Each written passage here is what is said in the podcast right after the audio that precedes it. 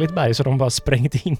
Har, har ni tänkt på det här med det här, det här- alla, att jag snackar om de, alla de här hormonerna och signalsubstanserna i förra avsnittet? Har, eller har ni bara liksom lämnat det? Ni, det, det, gick in genom ena örat och ut genom andra? Du menar va? vi har tänkt på det sen senaste avsnittet? Har du tänkt på det Olle? Ja men lite grann faktiskt. Har du det? Ja men nej, eller nej, ja, lite, lite grann. Lite? Ja. Fredrik då? Eh, lite grann också. Du har inte skakat om ditt liv Nej va? jag tänkte bara mer att vi inte sa något. Vi bara pratade så sa ingenting. det, jag- det jag har tänkt på, Ja. eh, som jag inte nämnde, eh, alltså testosteronet, det är ju det se- sexualdrivande, alltså sexdriften. Och kvinnor har ju också testosteron. Och det stiger ju strax innan ägglossning. Hur kan du allt det här Martin? Jo, men det, det, som är, det som gör det, alltså det, det här ska man vara glad för. Va? Alltså som kille och så, alltså man är ju hela tiden redo för sex. Men med den här kunskapen så kan man ju slappna av lite. Plötsligt får man ju flera veckor i månaden där man kan chilla och, och göra an, annat. Är ni med? Jaha, för, för kvinnorna har det bara en kort tidpunkt i en månad menar du? Ja men alltså det finns en, en mer intressant tidpunkt för Ja, att det ska bli barn. Ja. Det ska bli gjorda så att säga.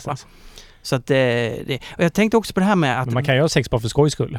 Det behöver inte bli barn varje gång man har sex. Nej, det är sant, det är sant. Men det är ju gott om testosteronhalten är hy- hyggligt hög så att Ah. säga. Eh, alltså om man nu är för samtycke alltså. Ja. Jag, jag åkte ner till eh, Kristianstad, ni vet att jag är från Kristianstad. Mm. Japp.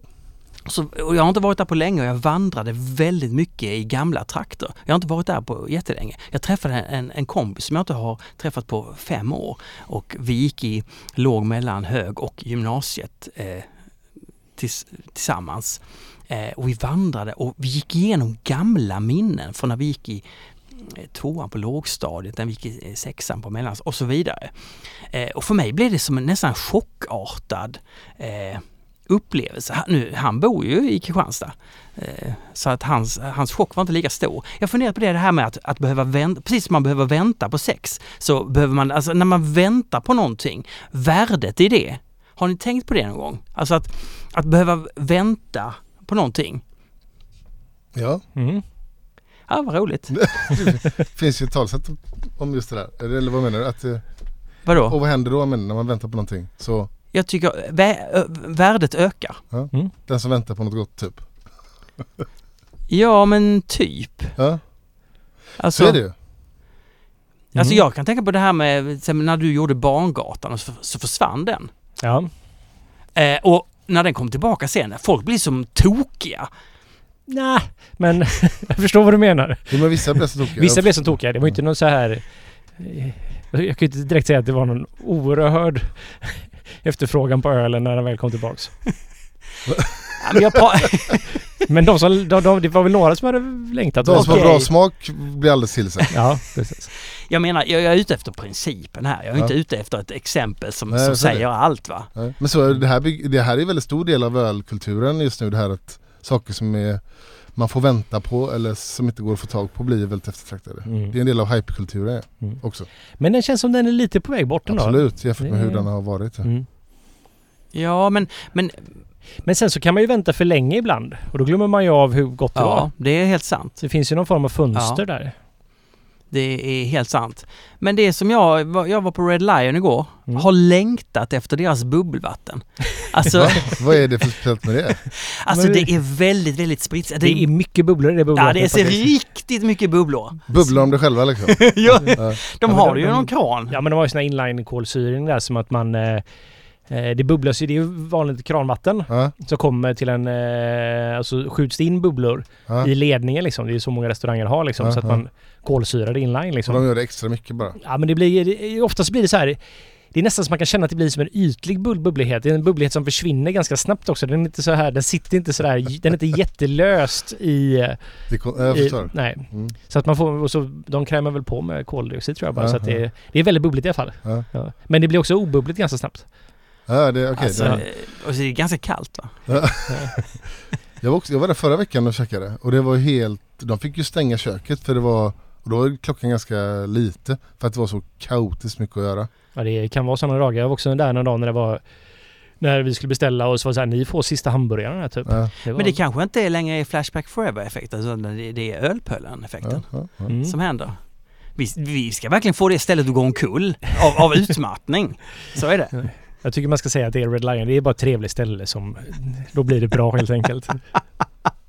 Det. Ja, alltså du menar att de har, de har någonting med det hela att De göra? har någonting med det hela att till göra. och med, till och med Pivot var slut. Är det sant? Ja, Ja, det, det var det faktiskt när jag var där senast också. inte bra Olle. Nej, Det men eh, det är inte så att vi inte har pivot utan det är bara att de beställer för lite. Ja, okej. Men de får ju leverans varje vecka och i vissa veckor så går den jävligt snabbt. Mm. Och så i och med att, och om det är så att den brukar ta slut så nu är ju Rickard då som var med i förra avsnittet, han är på semester så att jag väl har väl. Jag brukar, han brukar ringa och säga att fan pivot är på väg att ta slut. Då tar jag med mig ett fat eller två i bilen på vägen hem från jobbet. Så vi löser det. Ja, Men just det är alltid så här, det är ju svårt när de har... De har ju inte jättemycket plats där nere så de vill ju... De vill ju ha just in time leveranser liksom så mycket som möjligt. Jag har gått förbi en gång när de hade tagit emot leveranser. De öppnade något, något litet fönster Ja, en lucka på sidan. Ner i källaren liksom. Ja, precis. Rakt ner i källaren. Ja. Ja. Det är ju faktiskt en av de smidigare leveranserna i stan får jag ändå säga. Ja men det, det går ju ner till rätt ställe så att säga.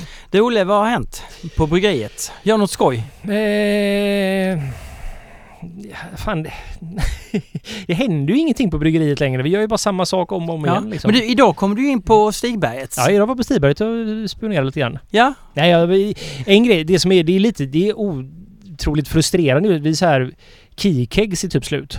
Ah, Så jag var på Stiberget och lånade keykegs idag. för vi, alltså Stigbergs finns det?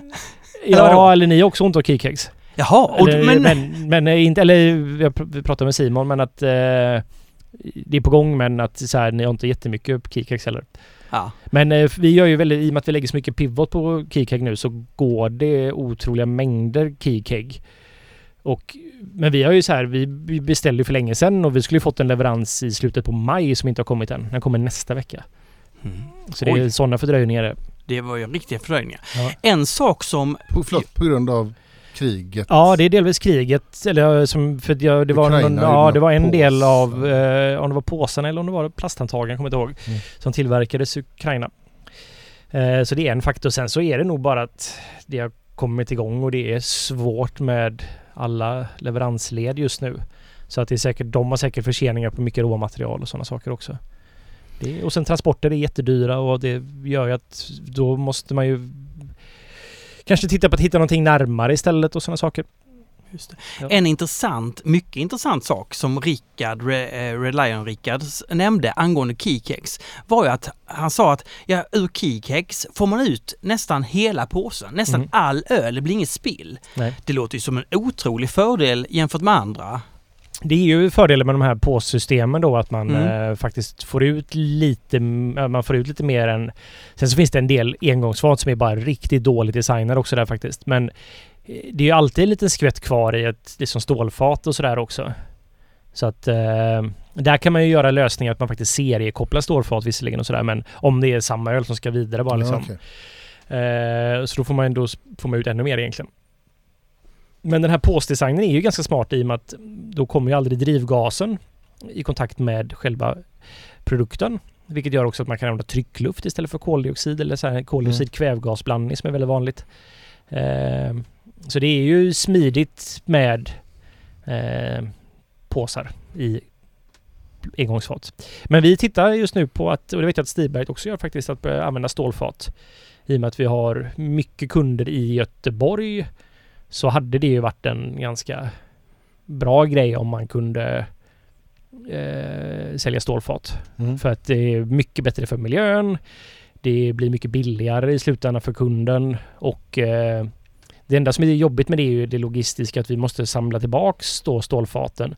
Men har vi fasta kunder här i Göteborg så åker vi dit en gång i veckan och då ger man ju öl och så tar man emot tomma fat. Liksom. Det blir ju, men det är kanske svårare att göra i Stockholm eller när vi... Export blir ju helt omöjligt egentligen. Mm. Så att eh, det tittar vi på att göra. Så just nu, jag håller på med många sådana här projekt. Jag håller på så här med att vi skaffade ju en burklina förra året i höst, på hösten där och det var lite som att den satte vi upp på enklast sätt egentligen för vi hade en, vi var osäkra på hur vi skulle göra med en del grejer och så jag, men vi, vi sätter upp det så, så enkelt som möjligt nu och så testar vi och kör på det här och så ser vi om hur, det är först när man har använt ett tag som man ser vad bristerna och flaskhalsarna är i det Mm. hela. Så jag tittar nu på att utvidga den lite grann. Få med en lite smartare lösningar för allting där och så. Så det är mycket så här inköpsgrejer nu. Jag håller på att bara Mm. kolla på vad det finns för olika leverantörer och ber om offerter och sådär. Eh, Jag minns ju att Fredrik, du har ju nämnt att Olles öl har en ganska hög beska som du kan gilla, att det finns.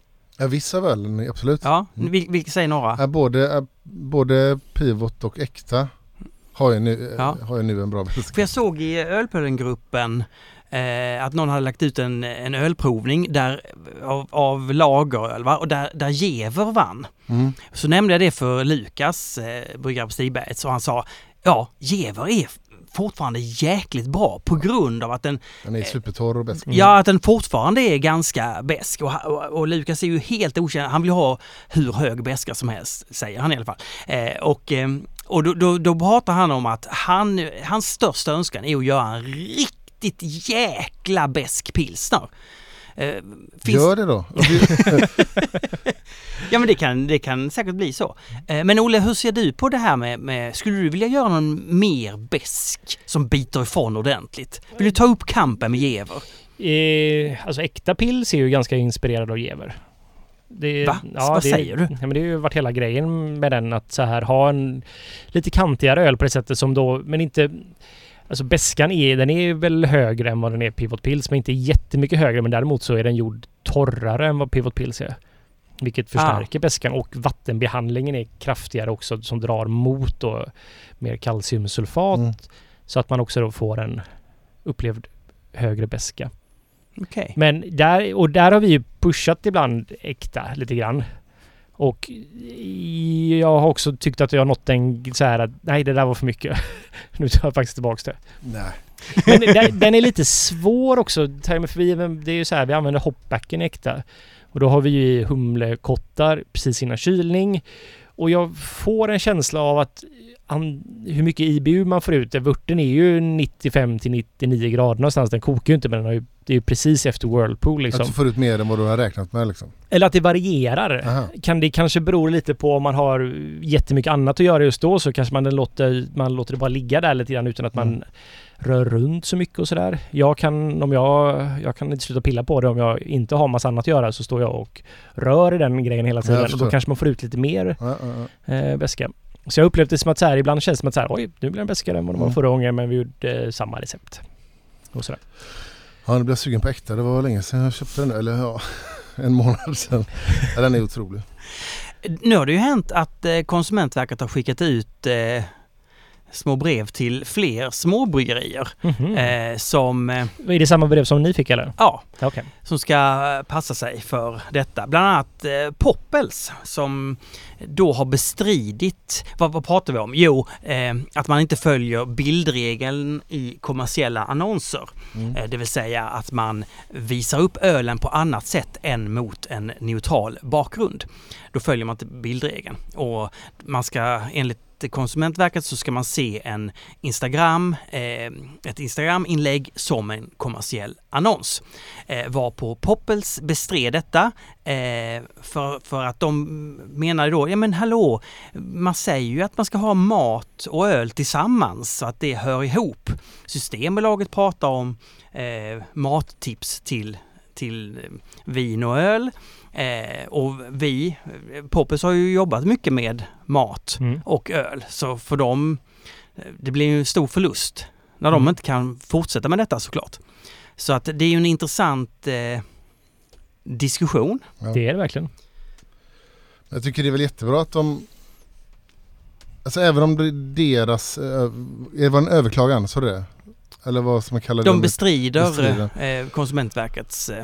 Även om det troligen inte leder någon vart så tycker jag att det är jättebra gjort. Mm. För att då blir det lite mer debatt om frågan och eh, folk får upp, eh, liksom öka medvetenheten om hur det här går till och påminna folk att vi bor i, DDR-Sverige när det kommer till alkohol. Så här, att det är väldigt konstigt väldigt mycket. Det, det, det ska folk veta tycker jag. Men i allmänhet så är det ju otroligt luddigt i de här. Det är ju väldigt svårt att veta vad man får göra och inte göra. Så det är bra att det blir eh, att inte alla lägger sig ner och, utan man faktiskt tar striden så att det kanske formuleras bättre. Och det blir klara, lite klarare vad man får göra och inte göra.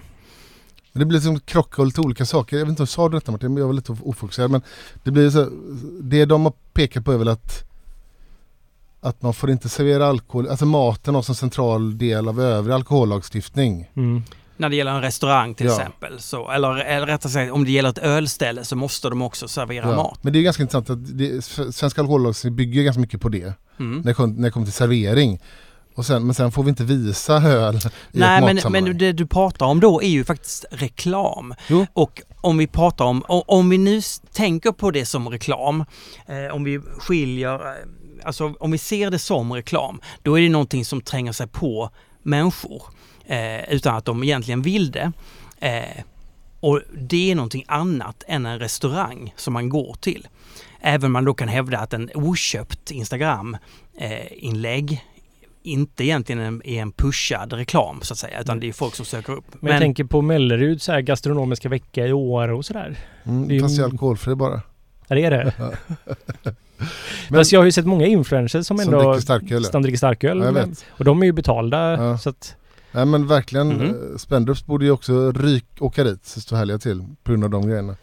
Ja, men de, men de är ganska duktiga på att s- snekla sig runt de här olika. De har ju lärt sig det under lång tid. Alltså vi behöver en alkoholfri öl, då kan vi pusha den och, och, så- och så vidare. Så att, Mm, och jag vet Martin, du Mm, pratar ja. om olika lagar Mm. från olika perspektiv som ja. Jag vet, men om vi, om vi skiter i det och bara ser Ja. på helhetssynen på alkohol i Sverige så blir det ju jävligt konstiga krockar mellan eh, hur mat ska, ska serveras Mm. alltid och att mat inte får visas i en annons. Alltså det är ju, jag tycker det blir konstigt. Ja, alltså, men jag tycker, inte, jag tycker egentligen inte man borde få, få göra reklam för någon alkohol överhuvudtaget. Eller rätt sagt så här, jag tycker inte man borde få göra någon reklam. Jag tycker reklam smutsar ner samhället fullständigt. Det, jag, tycker det är, jag tycker det är vi, ett vidrigt samhälle vi har där jag ska behöva titt, se saker som ska säljas. Alltså säljande är vidrigt. Information kan vara okej, men, men inte något säljeri. Eh, Men gick inte du på Bergs? Jo. Jo, jo. Jag blev copywriter Ja. på Bergs. Nej men jag, jag, jag, har, jag har ju varit inne i så att säga djävulens eh, hägn och sett det inifrån. Det är väl klart jag, jag Ja. vet allt det här va. Vi pratade väldigt mycket om Bergs. Nu när vi tränger oss in hos en människa, då måste vi underhålla, bjuda på någonting. För vi tar upp någon, någon människas tid. Ska jag göra det med skit? Nej, så där, det var ju hela den ingången. Vi vet om att vi gör något förfärligt. Vi, vi begår ett övergrepp. Gör det då lite trevligt.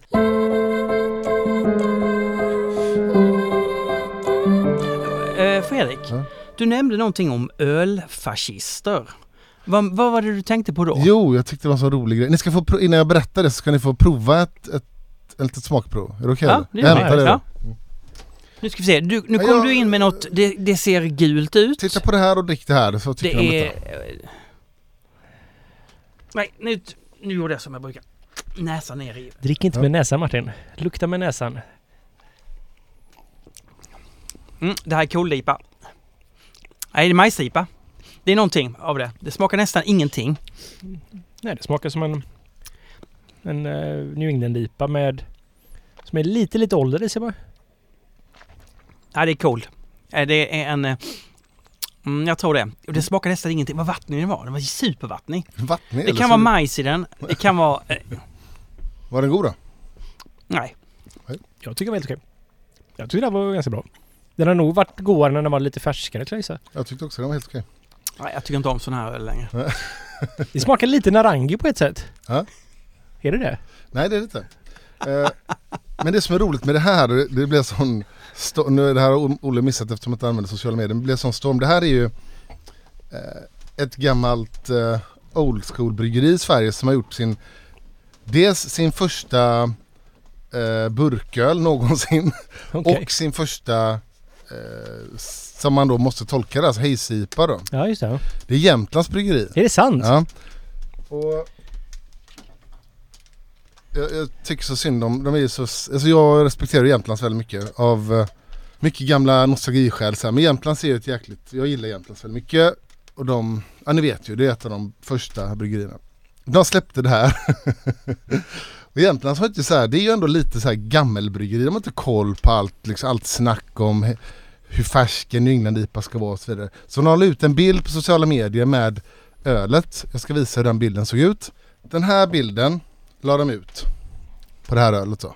Mm. Och på grund av fotografiet och att den är precis uppe så ser den lite mörk ut. Ser ni det? Ah, det, det är skugga under skummet men jag kan Ja, inte nej, riktigt... men den ser mörkare ut än vad... Alltså när man- man Martins öl som han har lagt upp har ju sett bra mycket Ja, jag vet, mörkare jag ut. vet, Ja. jag vet. Men den ser ju ändå mörkare ut än vad en del England brukar fota sådär. Oh ja. Och det här, Jag håller typ inte med om det men... men jag undrar fan om de till och med bytte för det, nu är det, det var det hände nämligen, det ska Okej. komma till då. Kanske var en ännu mörkare bild. Var att det blir en sån storm av Hazeboys på där folk säger den där är oxiderad. Eh, så där ska det inte se ut. Och, och Jämtlands, det, det där är ingen New England-IPA och, och Jämtlands försökte gå in och svara. Och så här, men det räcker ju med att det är en skugga som ligger jag över vet, så jag vet, jag vet. Fast folk var ju helt tokiga. Det var hembryggare som la ut bilder på sina hembryggare. Så här ska en England-IPA se ut. Och så var den jättegul. och och Jäm- Jäm- Jämtlands alltså, sociala mediekonto försökte bara styra den. Ja, men det här är ing- Till slut bara så här, det här är ingen England-IPA, det här är en IPA. Och folk, folk gick in och försvara Canman gick in och försvara Folk blev så tokiga. Var så, så här, över 70 kommentarer. Folk blev jävla crazy. Det här låter helt vansinnigt. Och så vilket gör att de nu har raderat i princip allting då egentligen, så alla de här kommentarerna. För att det blir ganska dålig stämning liksom. Vad är det där? En brown ale? Alltså, folk var så här skitupprörda. Och då tyckte jag det var så roligt att se så här. Vad fan, Jo, men- vad irriterande. Så, här, så upplever inte jag ölkulturen i Sverige riktigt att det brukar vara så. Nej men, och, och, men jag tyck, tyckte lite synd om Jämtland, så, så här, sent på pucken släpper en, en, en någon form av hejsipa får man nog säga att det är Ja. ändå. Och så är folk på dem och bara skäller ut dem för att de bild inte ser så jävla juicy ut. Nej. Och då, bara, då väckte, vi har pratat om det tidigare, att när det kom, det enda gången folk börjar bry sig om så här ölstilsdefinitioner, det är när det är New England-IPA. Det ska se ut på ett visst sätt, det ska smaka på ett visst sätt, det ska ha en viss färskhet.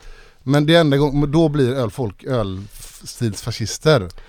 Förstår ni vad jag menar? Ja. Ja. Men man bryr sig inte det minsta om liksom tomatsås i en saison. Då, ja, men vad kul.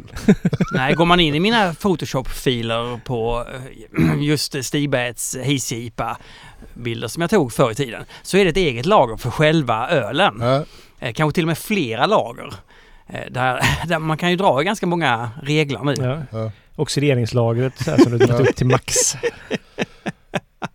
Så stackarna, så de, undrar om inte de bytte den bilden. Men öl, För jag, tyckte, Ah. jag, jag tyckte inte den bilden såg så farlig ut.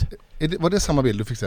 Nej, den ser värre Ja, ut. det var den bilden. Ja. Ja. Men jag skulle ju säga att det där är ju ljussättning och sådär bara liksom. Jag vet. Och, och man vet ju inte. Så det, det- är också, det- det är det, är en, de det är också en helt svart bakgrund här. Det är en sten ja, ja, bakom det, liksom. det Där går, ju, går ju inte att säga på den bilden liksom om den här ölen är Nej oxiderad men eller folk inte. blir ju tokiga och det skulle vara lite experter sådär. Det där oxiderad hembryggare då framförallt som skulle gå in och... Ja, det var kul.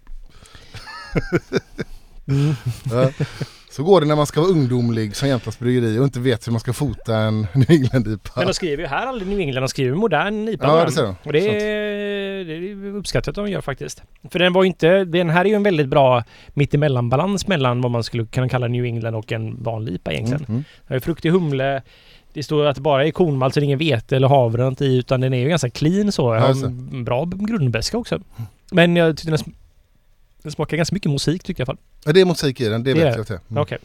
För det var därför jag tänkte att det var väldigt narang, Ja, narangi-aktigt. Ja. För narangi är också ganska så här... Den är ganska simpel på det sättet liksom. Den är Mm. inte heller vansinnigt New England.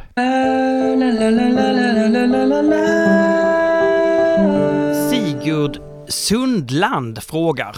Jag har en fråga vad ni i podden tycker om öl som är jäst med champagnejäst. Typ som Bière de Champagne eller Brut Ale eller som jag förstår det Gulden Drak som också är jäst med sådan jäst. Jäst med sådan jäst. Jag tycker det är otroligt trevligt men det verkar inte vara någon storsäljare. Puss och kram. Jag tror inte de kanske är jästa. Det finns ju öl som är jästa med champagnejäst men det är väl ganska ovanligt skulle jag säga. Leon eller Neon, nej vad heter den? Levon. Levon heter den nu ja. Eh, den är ju jäst med champagnejäst. Eh, sen så det är ju vanligt att man buteljerar Ja, med champagnejäst. Så att när man ska efterjäsa på belgiska flaskor så är det ofta champagnejäst man använder för att den är... En klar alkoholhalt. Den klarar alkoholhalt. Den har väl också vissa champagnejäster är ju sån här killer yeast tror jag också. Ja, den Att- dödar ju annan typ av jäst. Precis. Men det finns massa myter med champagnejäst som är så här. Jag tror att det beror på marknadsföring av en del öl och namnet såklart. Champagne. Mm. Så tror man så här, den här jäser ut torrt. Det gör ju inte champagnejäst. Den jäser inte ut torrare, mycket torrare än, än öljäst. Eh, men den klarar av väldigt hög alkoholhalt. Ja. Så nu på, den kan ju jäsa, vissa champagnejäst kan ju jäsa upp till Men eh, oftast, 17. det är ju en vingäst. Ofta så har det väl någon förmåga att jäsa lite mer komplexa sockerarter, har det inte det? Nej men de, har- de, de flesta gör, klarar inte av det och det finns ett ganska intressant inlägg som han eh, Fabrikör Ekstedt har gjort om Ah. champagnejäst och myter kring champagnejäst. Som är intressant att läsa. Man, Nej, det är ju... Fabrikör Ekstedt heter hans blogg. Precis. Jag tänker att det är ju, den borde egentligen kanske... Det kanske är så att den bara klarar enkla sockerarter Den faktiskt. klarar enkla sockerarter. Så ja. därför är det en extremt bra burknings... För man, det man gör då, eller flasknings menar jag, när man då ska jäsa på flaska så har man ju i enkla sockerarter ofta då typ druvsocker eller vanligt socker liksom. Och då vill man ju att den... Man vill inte ha i en gäst som kanske äter andra sockerarter som Precis. finns i ölen sen tidigare som den vanliga gästen man använder för öljäsningen då inte klarar av. För då får man ju en flaskbomber helt enkelt. Så det är väldigt tacksamt så att den bara klarar enkla sockerarter. Ja. Ja, precis. Men vad tycker ni om det då? Ja, fast det är lite det jag menar. Att det, jag, tyck, jag tror att det är väldigt svårt på ett starkt öl, eller lite den typen av öl. Han listade eh, Golden Drac som exempel. Jag tror inte Det, det, där kan man inte ens känna, eller det är möjligt att den är ganska stark, Golden Drac. och jag tror inte den är gjord med champagnejäst Nej men hela även om den skulle vara det så Nej. skulle vi nog inte känna det med tanke på allt annat som pågår i det ölet. Den bästa vi har är ju då Levon. Ja. Som ändå, men det som jag kan uppleva med champagnejäst är ju att, och när jag har druckit, det har varit ganska mycket hembryggd jag har druckit med det och sen så även då det här, en del bruttipor gjordes ju med champagnejäst och då har man ju då använt amylase, liksom ett enzym för att bryta ner alla sockerarter till enkla sockerarter så den blir otroligt förjäsbar. Eh, det som jag kan tycka med champagnejäst är att den är väldigt clean. Ja, en del säger att den är clean och det finns ju cleana sorter men vissa kan ge lite ester, okej. viss typ av esterproduktion. jag tänker att det borde finnas en otrolig upp, olika typer av Ja, det det. liksom. Så att ja, det är ju svårt att säga. Det är som att säga att vilken, det finns ju, alltså om man tar Chico-strängen i ale då liksom Ja. som är den klassiska amerikanska, den är ju också väldigt neutral. Ja. Tar man en, det är ju samma sort som en belgisk som är Ja. otroligt karaktärsfull. Och det är lite det jag menar, att jag tror, jag tror, var det så till och med att trippelbocken vi jäste på champagne, så att, och där hade den syfte att man, kunde bara fortsätta mata den när den jäst, man jäser klart med en ölgäst, sen i med champagnejäst som får mat, som man bara matar sen med enkla sorter arter för att få det starkt. Mm. Men då menar jag, det kommer inte smak, det kommer inte ge något specifikt smakbidrag från gästen i det, i det fallet, tror jag. Precis. Eller? Nej, ja precis det. Jag tror inte heller. Jag, jag, du skulle kunna göra... Eller det finns ingenting som jag... Jag skulle aldrig kunna peka ut det här i en blindprovning att den här är gjord med champagnejäst Nej, liksom nej. någonsin. Och jag tror det som man kanske gillar med öl som har champagnejäst i sig är ju att de ofta har ganska hög kolsyra för att de ofta kanske har varit flaskjäster och sådana saker. Eh, jag tror man skulle kunna göra en klon på Levon med eh, någon annan jäst också för den delen liksom. Som skulle vara väldigt lik den liksom. Så att jag...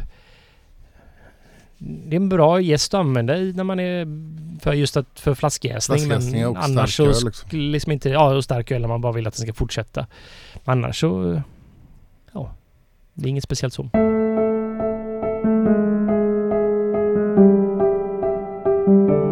Adam Myrén undrar, vilka är ert personliga Mount Rushmore av filmer?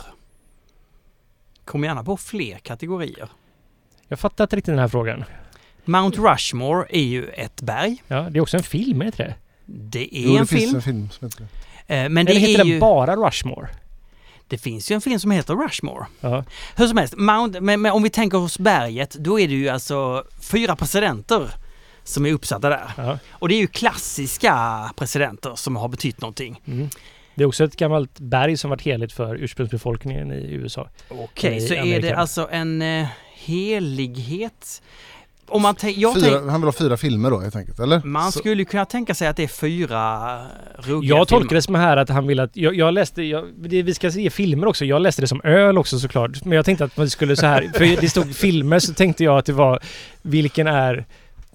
Favoritölfilmer. Så här, filmen Rushmore tror jag den heter, Wes Anderson. Det är en så här coming of age-film. Så jag tänkte så här att det var någon form av så här, vilken är våran coming of age-öl?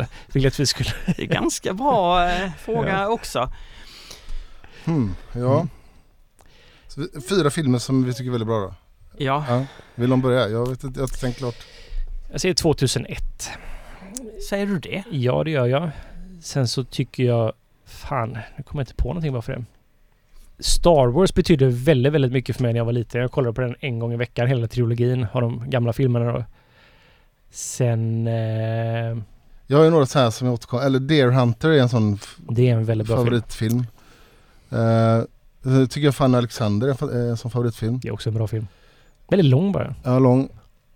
Sen- Sen en film som jag inte sett på, men så jag, jag har bara ett minne av att det är en av mina favoritfilmer, men det kanske inte är bra ens. Jag kommer inte att, Magnolia. Magnolia, kommer du ihåg den? Ja, med Tom Cruise ja. Ja. Och vet du han?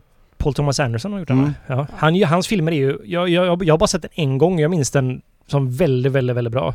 Jag har också minne att den är fantastisk, men jag har inte sett den på 15 år. Så att, Ja. Men alla hans filmer är ju otroligt fantastiska. Ja, jag tycker eh, Der siebente kontinent. det är klart du tycker. Det är ju Mikael Haneke från 1989. Ja, Just det, den ja. Så tycker jag att den här eh, von Trier-filmen, ja vilken? ja, den som heter eh, med Stellan Skarsgård och hon Emily Just det, den är väldigt, väldigt bra. Ja. Eh, olje... Ja, just det. Den heter plattformen. någonting... Eh, öff, helvete. Ja, den precis den. Gillar jag. Eh, sen tycker jag att den här eh, krigsfilmen som han gjorde som eh, där Martin Sheen är med. Som heter eh, Platonen. Ap- Apocalypse Now. Nej, Just- det är fel. Jo, Martin Sheen, just det. Det, det, det är Charlie Sheen som är med i Plutonen. Ja. Jag Ja. blandar far och son där ja. Ja den är väldigt, väldigt bra. Jag håller med dig. Ja. Det är lite samma mm, Mm. Deer Hunter-känsla på den. Sen en film som jag, jag har sett den två gånger. Det är den film jag gråtit mest till någon anledning. Mm. Eh, Elefantmannen med David Lynch. Ja, det är Lynch. väldigt, väldigt bra film. Elefantmannen. Ja. En väldigt otypisk David Lynch-film också. ja. Ja. Hade jag fått...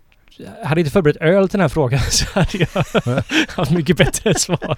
Har du förberett öl? Nej, det har jag inte gjort. Daniel Mestman eh, säger att vi vet ju att malt är det nya heta, men kommer det bli mer hippt med råfrukt i hantverksöl nu? Tänker på Cold IPA och mexikansk lager och så vidare. Råfrukt alltså. Ja, det tror jag. Man kommer också börja spinna råfrukt på ett sätt som... Eh, ehm, Spinna alltså. Alltså liksom eh, hypa upp det lite grann. Ja. För att det finns fördelar med råfrukt. Eh, som när vi pratade med Winnie där lite grann. Det är ju att få ner eh, alltså free aman, amino acids. Fan kallas det va? Någonting. Mm. Fan-nivåerna i alla fall och då det får man ju genom att använda mindre malt helt enkelt, för det finns i malt. Eh, och då får man bättre hållbarhet. Så att, eh, och jag, jag tänker nu då när liksom, det är ju lite känslan av att så här, hela bryggeri, alla bryggerier, vissa har ju blivit väldigt stora och att bryggerierna kommer ju in då i en form av stortänksbryggeri. Fast ändå ska vara kvar i det gamla på något sätt så här och i, sin, i sitt ursprung. Men jag tror att det kommer bli att man av olika anledningar vill ha i råfrukt av kanske inte smakbidragande anledningar utan för praktiska anledningar och men man kanske kommer spinna det lite som att Okej, det men, här gör vi för att man hittar på nya ölstilar och Ja, ja, jag fattar. typ så vi sådär. pratar inte mango alltså? För det är ju svindyrt. Nej, utan här pratar vi ju ris, eh, socker och majs och sådana Majs. saker. Mm. Jag tycker, jag tycker just, Du just kom- själva ordet frukt inte riktigt eh, ri, rimmar med det du sa. Nej, det är ett konstigt ord egentligen. Ja. Råfrukt ja. Men det är, så, det är så man brukar beskriva när man Jaha. när bryggerier använder råfrukt i öl så är det oftast då att man har Rismajs. eh, Något alltså som det, inte är frukt. Helt enkelt. Något som inte är frukt och inte malt. Johan Elin, hej! Jag monterade en Whirlpool-arm i min kokkittel som jag köpte från en leverantör i Nederländerna som skapar en Whirlpool, Whirlpool som går moturs. La ut en bild på en hembrygga, på en hembryggargrupp och flera i gruppen frågade om jag bodde på södra halvklotet då min Whirlpool gick moturs. Men kan det spela någon roll? Det är ju en skapad virvel och inte en som uppstår av att man rycker proppen ur ett kärl. Har du, Olle, en Whirlpool i ditt bryggverk och åt vilket håll går den i så fall? Jag har en... Ursäkta. Nej, vi har en kombinerad bryggkittel och whirlpool och min whirlpool går moturs. De flesta mm, whirlpools jag har sett eh, är faktiskt moturs. Okej. Du säger det? Japp. Jag tror inte det spelar någon roll alls faktiskt. Ja, roligt att bygga en myt nu att eh, går de eh, meddusch så har man svårt att bygga, göra en New England-IPA riktigt bra. Mm. Så alla byter ut sina, sina Whirlpools här nu. Alltså jag tycker det finns alldeles för lite mystik. Ja. Jag hatar när man, när man avslöjar för mycket. Mm. När, man, när man är för tydlig. När man har ett... Alltså... Jag vill ha, jag, jag vill, jag vill ha mer eh, s- Steinbeers helt enkelt. Mm. Ja. Nej men det är väl, jag tänker att så här, om, när man, om man skapar sin egna Whirlpool genom att så här vispa runt i ett kärl liksom. Då blir det ju naturligt att man gör det Meddusch. med dusch. Ja. Eller? Men vår pump och den praktiska... Och jag tror mest att så här, det kan nog vara både och. Och det är väl bara så här vad det praktiskt är med rördragning. För jag tror inte det spelar någon roll alls faktiskt. Pontus Welin skriver att han tycker att en av poddens höjdpunkter var när han i fantasin kopplade på 10 valfria fat i er drömbar. Vore kul om ni gjorde samma övning med enbart svenska bryggerier. Alltså det tycker jag också. Ja.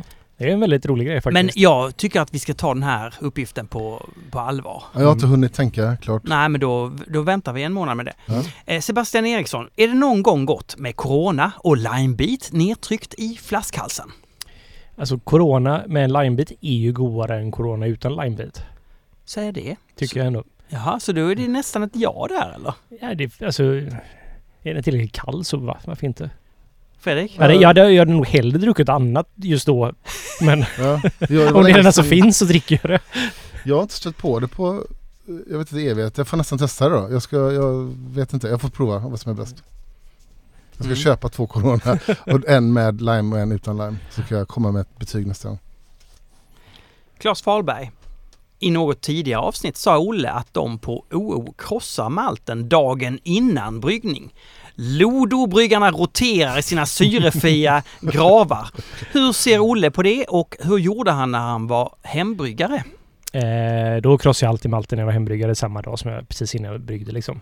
Men, Mm. det, men var det av för att du trodde att det var bättre eller mer praktiskt skäl för det då du gjorde grejerna? Det Liksom? var då jag gjorde grejerna. Jag menar det. Ja, det var ingenting, ingen eftertanke i det. Eh, däremot så det är ju såklart bättre att göra det så nära bryggningen som möjligt. Eh, ja, alltså det är såklart att det någon påverkan har det såklart om vi krossar malt dagen innan än precis. Många av de stora bryggerierna har ju oftast Alltså då krossar man ju malten inline eh, från, direkt från silo till inmäskning liksom. Och man gör det oftast, ganska ofta med eh, kvävgas i mixen också. Eh, och det hade jag jättegärna gjort. Eh, för då hänger ju kvävgasen med och åker ner i mäsktunnan och sådär. Eh, så där är det många bryggerier som har liksom kvävgasgeneratorerna på bryggerierna och så skjuter man in det under hela krossningen och transporten av malten för att den inte ska oxidera. Ä- Även icke-lodobryggerier så att säga.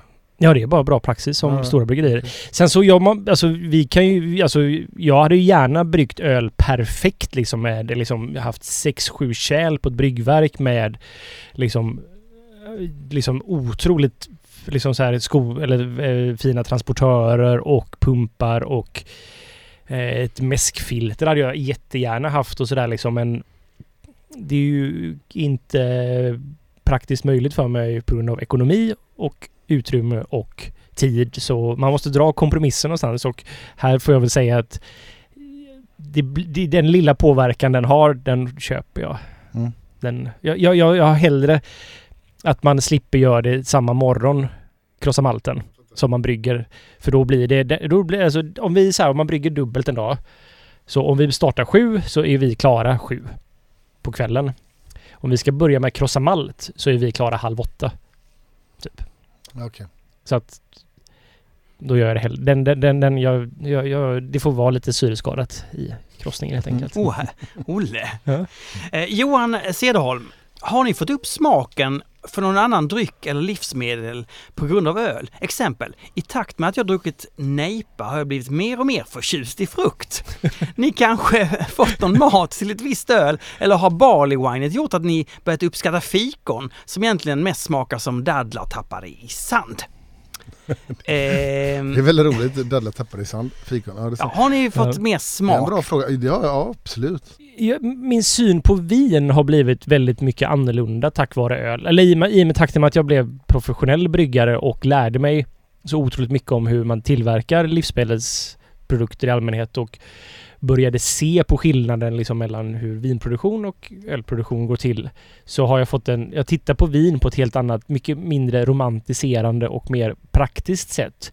Och jag har då också upplevt att jävlar vad mycket bullshit det är i vinvärlden. Om och det är som så här att en duktig person på öl är oftast ganska insatt i processen. En sommelier är ju aldrig insatt i processen. Exakt det skulle jag säga. För, för min upplevelse var att jag, jag, upptäckte, jag upptäckte lite um, naturvin första gången vi, genom öl. Ja. Eller en dimension av naturvin. För ganska många år sedan och jag visste inte, så fick jag ett vin och det var lite vinfolk med. Och så jag bara fick en sån här, ja det doftar ju brett sa mm. jag. Det här hade vi pratat om tidigare tror jag. Så, så sa jag det och då visste de inte vad det var. Nej exakt. För det, det, får man inte ens prata om ofta för det är ju en vin, har man brett i ett vin så är det oftast anses vara väldigt så här, då är vinet förstört i och med att det förstör terroiren då. Det jag undrar om de ens visste vad det var menar jag. Precis, jag tror inte de vet vad det är för något. Och jag har haft sådana här, jag har haft såna här diskussioner när jag gått in på toalett liksom och typ försökt slita av med håret för att jag inte når fram då till vin som leder kring liksom, eller så här med naturviner som är så här att det här smakar rent och skärt eh, brett liksom. Mm. Det är som jag säger, jag kan till och med säga att det här är förmodligen brett C liksom mm. i karaktären. och de bara nej, nej, jag känner den här vinmakaren. Han skulle aldrig acceptera det här är hans terroir. Som jag säger, jo men bretten är ju ett del av terroir. Äh. Jag vill nästan slita av med håret igen här nu. Äh. Och det är också så här när man, för det finns ju jätteofta kan jag uppleva, speciellt orangea viner som smakar eh, det är så mycket diacetyl så att det är helt sjukt och det är ju en accepterad och det som men där är det så fränt mycket diacetyl så att det är för mig odrickbart. Jag mm. kan typ inte dricka många sådana här orangea viner. Och där har jag också varit i sån här att nej men det ska vara så här och jag bara så här Fast ingen kan ju tycka att det här är gott. Alla ni som... Nej, men, Ja, förlåt, eller... Alla ni som är intresserade av vin, vänd er gärna till Ölpölen med frågor om vin. För där, det är ju egentligen där vi har vårt riktiga expertområde. Så att, bara så att ni vet om. Men jag faktiskt, jag ser vin på ett väldigt annorlunda sätt ja. och det är jag väldigt tacksam för. Ja, och att så här, det, det har liksom fått mig att bli väldigt mycket mer intresserad av vin faktiskt. Mm. Uh, och jag tror man kan lära sig ganska mycket om öl med vin. Uh, jag har faktiskt upptäckt, eller ost upptäckte jag lite mer via, genom öl. När jag, lä, när jag drack öl och så läste jag vad man kunde äta till. Och för många, många år sedan. Och då var jag gillade, jag tyckte väl ost var gott men jag kunde inget om ost och så här. Och då, det var just barley wine och så, så här, prova den här typen av ost. Och då öppnades en liten ostvärld för mig när jag började matcha med öl faktiskt. Mm. Så jag upptäckte ostar lite via, genom öl. Jag har aldrig tyckt att vin, jag, jag älskar ost, jag tycker det är jätteroligt med ost. Men jag har aldrig sett förstått varför man ska dricka, förutom vissa dessertvin och sådär. Jag har aldrig fattat så här, varför är vin och ost så gott tillsammans. Mm. Håller med, precis. Och jag, det, är så här, det är alltid så här, men, ja, det är ju så vedertaget så jag vågar inte säga någonting. Ja. Sen så när man faktiskt har, så här, det finns ju mer öl som passar till ostar än vad det jag finns vin. jag med och, och, vin, eh, ostbricka och vindruvor som folk serverar. Nej men jag, jag, skulle vilja slänga in att vin är ju inte så gott. Jo det är det. Det är faktiskt det är jättegott är det. Då kommer vi till den viktigaste punkten och man vänder sig mot Fredrik och undrar vad har du druckit för något smarrigt sen sist? Eh, jag har druckit ett öl som, som är väldigt, väldigt gott. Jag har druckit förut, men det kom på bolaget ganska nyligen. Brussels Calling från eh, De La Seine. En eh, belgisk IPA typ. En belgisk IPA? Mm. Va, vad innebär en belgisk IPA? Ja precis som det låter. ja men vadå den smakar belgisk? Den alltså, är, ja, eller? den är lite belgotonad gästprofil och sådär. Den är brun. den, jag kommer inte ihåg, det var så länge sedan jag drack den. Har den typ, de är ju väldigt kända för att använda mycket kontinental humle liksom. Ja. Är den kontinental, jag, jag för mig att det känns som att det är kontinental humle i den. Ja, mer så, det är absolut ingen tydlig modern profil på Nej. den. Jag vet inte vad det är för humlesorter i faktiskt men. För det, det, jag vet att jag tyckt, alltid tyckt om den. Jag visste faktiskt inte om att det var en Belgien, belgisk IPA. Men jag tänker så här, för det var ju en trend när det skulle finnas belgo som var de amerikansk humle. Ja. Där tyckte jag det clashade väldigt mycket med gästen. Jag håller med dig. Det blev så här, Det här, ja precis, det här lite blommiga, fruktiga passade inte jättebra med de gästtonerna alltid. Nej. Bom, bom, nu är det dags för Fredriks Systembolaget Vad ska du tipsa om? Jag ska tipsa om en, saker som kommer nu under slutet på juli och första augusti på bolaget. några. Men då är du alltså initierat. Det du, det du tipsar om det kan man vara säker på är bra grejer. Eh, på några av de här, eh, ja, ett par av de här, ja. Ett par, ingen aning. Men de låter jäkligt spännande. ah, Det skulle jag lägga till ja, då. Okej. Ehm, Grisen i säcken då lite ja, det här är ett par, jag, jag börjar med de två som jag har ingen aning men jag tror att de kommer vara väldigt, väldigt eh, jag tror att de kommer vara bra. Svartbergets eh, säsong Fifth, de gör en säsong. Svartberget, jag tror att den kommer bli bra. För de bryr sig om den här stilen av öl. Ehm, eh, Remmalöv Kellerbier. Remmalöv är bra på lager. Mm. Eh, jag har hört att den här O-Rye Porter är god. Helt okej. Ja, skojar. Den var god sist. Sen, det här tyckte jag var lite intressant. Eh, Apex har ju ett nytt, eh, ja, de har hållit på ett tag där i sitt nya bryggeri. En Kellermärtsen. Den blev jag väldigt nyfiken på att prova. En. Kellermärtsen. Ja, De har ju en Kellerbi som jag druckit. ja, och då är nog det här en mer en mörkare Okej. Kellerbier I guess. Eh, de, de här har då inte Rye Reporter har provat i sig. Sen är, vi, är det ett vetöl som är väldigt bra från De Halveman. Blanche de Bruges. Det är en bra vittbier. Kommer eh, 22 juli. Det En du sa en vitt bier nu alltså? Ja. Då, och då bör man ju veta det att vitt bier, Äckligt tycker Martin. alltså den bästa vittbieren är ju ändå sämre än, än väldigt mycket annan Ja, men öl. är de välgjorda så är det perfekta sommardrickan faktiskt. Alltså du måste ha upplevt någonting i din ungdom Kring- med, med vitt bier som gör att du har någon nostalgi kring detta. Nej men det är så... Det är ju sommaröl verkligen. Nej, Ja men jag, säg en sommar när du var 22 och du drack en vitt ja, men jag berättade ju det sist när jag gick i, i uh, ut och vandrade i uh, Alsace. Och drack vitt. Och hur gammal var du Ja då? då var jag ju så ung. 12. Nej jag, ska, jag var 25. Ja, det, det är det jag menar. Det, det är den längtan tillbaka till det, det är de underbara åren. Ja absolut. Eller jag menar det är ju vidriga år alltså. Fram till man är 40 så är det vidrigt att leva. Eh, men eh, sen tycker jag det börjar balansera Sen ut sig. vänjer man sig vid det vidare. Eller vadå? Nej, sen så börjar, sen, sen, sen blir man ju mycket bättre. Nu pratar jag i manform här, precis som att det är, eh, gäller alla människor. Mm. Eh, jag har gjort så att jag har börjat välja eh, mer det jag vill och välja bort det jag inte vill. Mm. Och framförallt har jag tagit, fått reda på vad jag gillar att göra. Det visste man inte tidigare. Man hoppar på det ena och det andra. Jag var copywriter. Det var ju fruktansvärt alltså. Vidrigt att skriva text. Det upptar ju hela ens hjärna.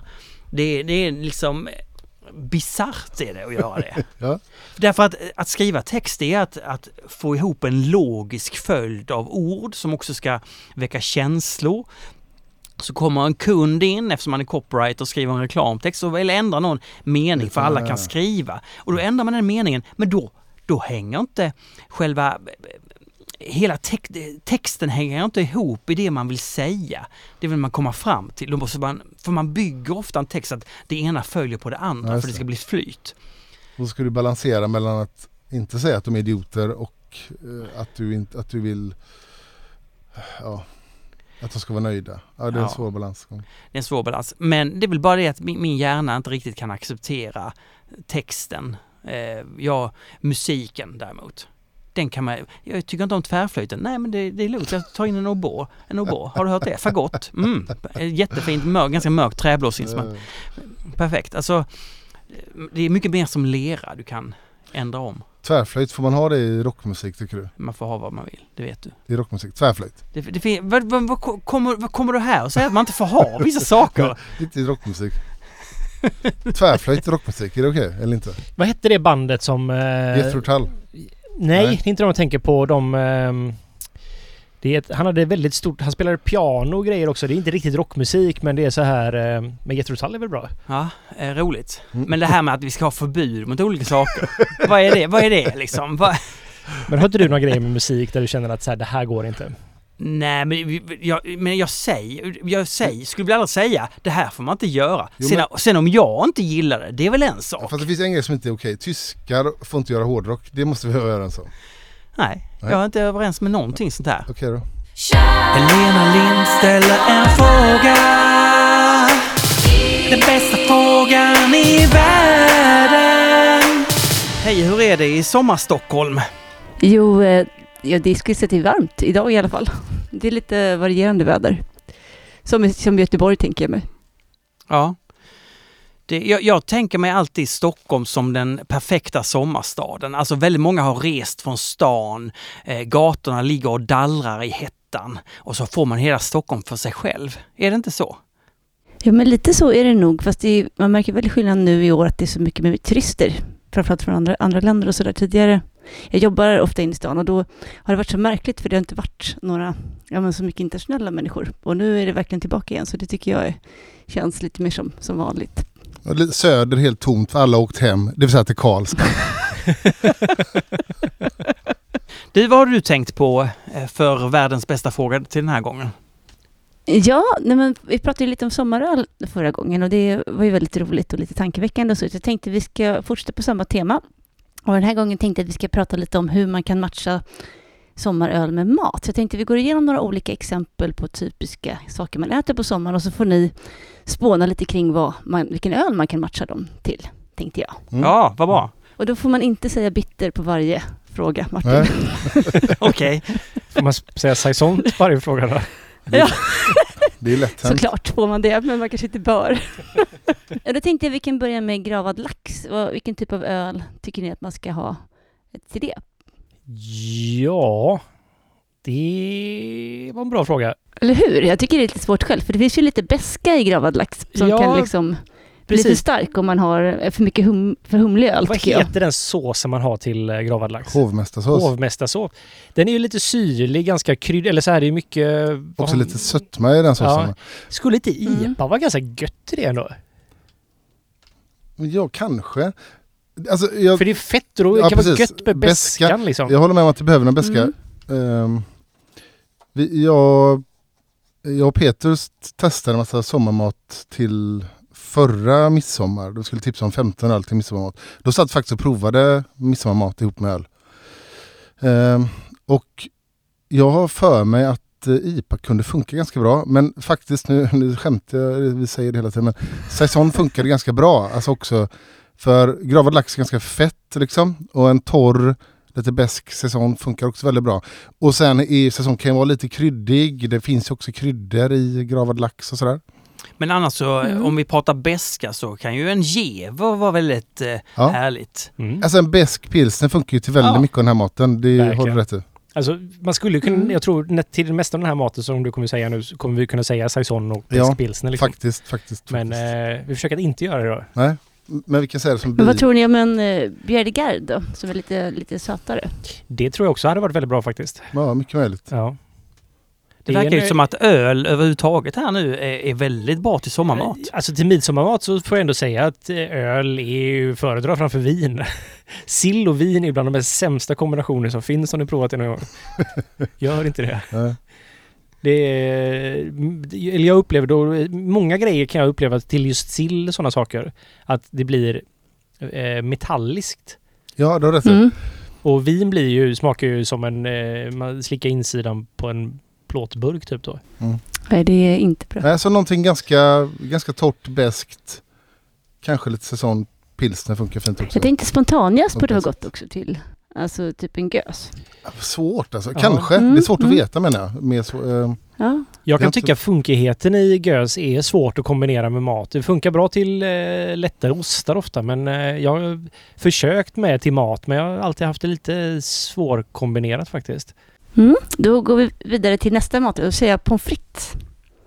Med salt, inte grillkrydda. ah, Åh, vad gott. Här tycker jag verkligen att en riktigt hazy eh, IPA. Nu, nu hörde nej. inte jag vad frågan var. eh, pommes frites. Pommes frites, ah! Mm. Ja, besk IPA, absolut. Fett, Ja. fett liksom. Och eh, pommes frites är ju nästan, det är ju amerikanskt.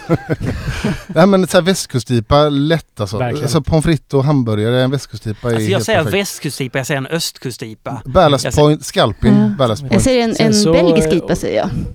Ja, det var det jag skulle vara inne på här nu. Jag, en av mina favoritgrejer när man är i Bryssel är att liksom äta tartar med pommes frites. Och då är det ju det bästa som finns att dricka Orbir till det från eh, De Dolle. Och det är ju en ganska... Det är väl en dubbelish någonstans där typ. Som ändå är ganska maltig så här. Mm. Men eh, det är väldigt gott. Men jag vet inte om man behöver tartaren till riktigt. Jag är ju verkligen, jag är så här, pommes frites är det är inte din grej va? Nej, jag förstår inte pommes frites. Jag tycker inte det är något fel på det, men jag har aldrig någonsin haft cravings efter pommes frites. Chips däremot, vilket är samma sak nästan, fast bara tunnare. Det är det bästa jag vet typ. Det är roligt, det är inget fel på, på fritt alltså. Det är inget fel på pommes frites. Alltså jag äter det om det finns liksom, men det är ju så här, jag, kan, jag har aldrig känt att så här, att, gud vad gott det här var. Nej. Eh, sen kommer något som jag tycker är lite knepigt och det är grillat lamm. Vilken öl ska man matcha grillat lamm med? Det är skittråkigt att säga samma sak igen. Jag, tänker inte säga det i fortsättningen. Men säsong är det bästa matölet så det passar även där. Men jag tänker även någon form av så här eh, Fullers ESB, någon lite sån Passar ju väldigt bra till grillad, lite den här Maillard-reaktionen i Ja. grillat kött och sådär. Något sånt litet knäckigt öl liksom. Och här är ju ett ganska tungt rött vin ändå väldigt, väldigt gott. Ja, Det, är ju, det hade jag ju druckit framför öl alla dagar i veckan tror jag. Och just, just med vin och, eller rött vin och rosmarin är ju jätte, jättegott tillsammans. ja men det var f- fan, det var faktiskt lamm och rött vin. Ja, det, Det är så jävla gott är det. Vad tror ni om en Märtsen då? Det hade nog funkat. Märtsen hade varit bra. En eh, mörkare, Ja. m- mörk mellanmörk Ja. lager liksom. Ja. Absolut. Rodenbach är också gott tycker jag till lamm. Det, det drack jag faktiskt förra midsommar, jag tror jag minns rätt. Undrar vad, jag lamm. vet inte om jag ens har provat det men varför skulle det passa, eller varför passar det tänker jag, är det teoretiskt då? Det är lite fruktigt, lite, men lite som ett vin, att man får de här syran och eh, det är lite grann som, som att dricka ett vin fast, fast det är öl. Så det är samma fördelar som, eh, som tycker jag. Vad Jo men Ola? precis och så också den här sötman plus då syran som bryter igenom. Det är som, alltså lamm smakar ju så mycket. Mm. Så man behöver ju ofta ha någonting som också smakar väldigt mycket för att den ska kunna nå igenom liksom tänker Mm. jag.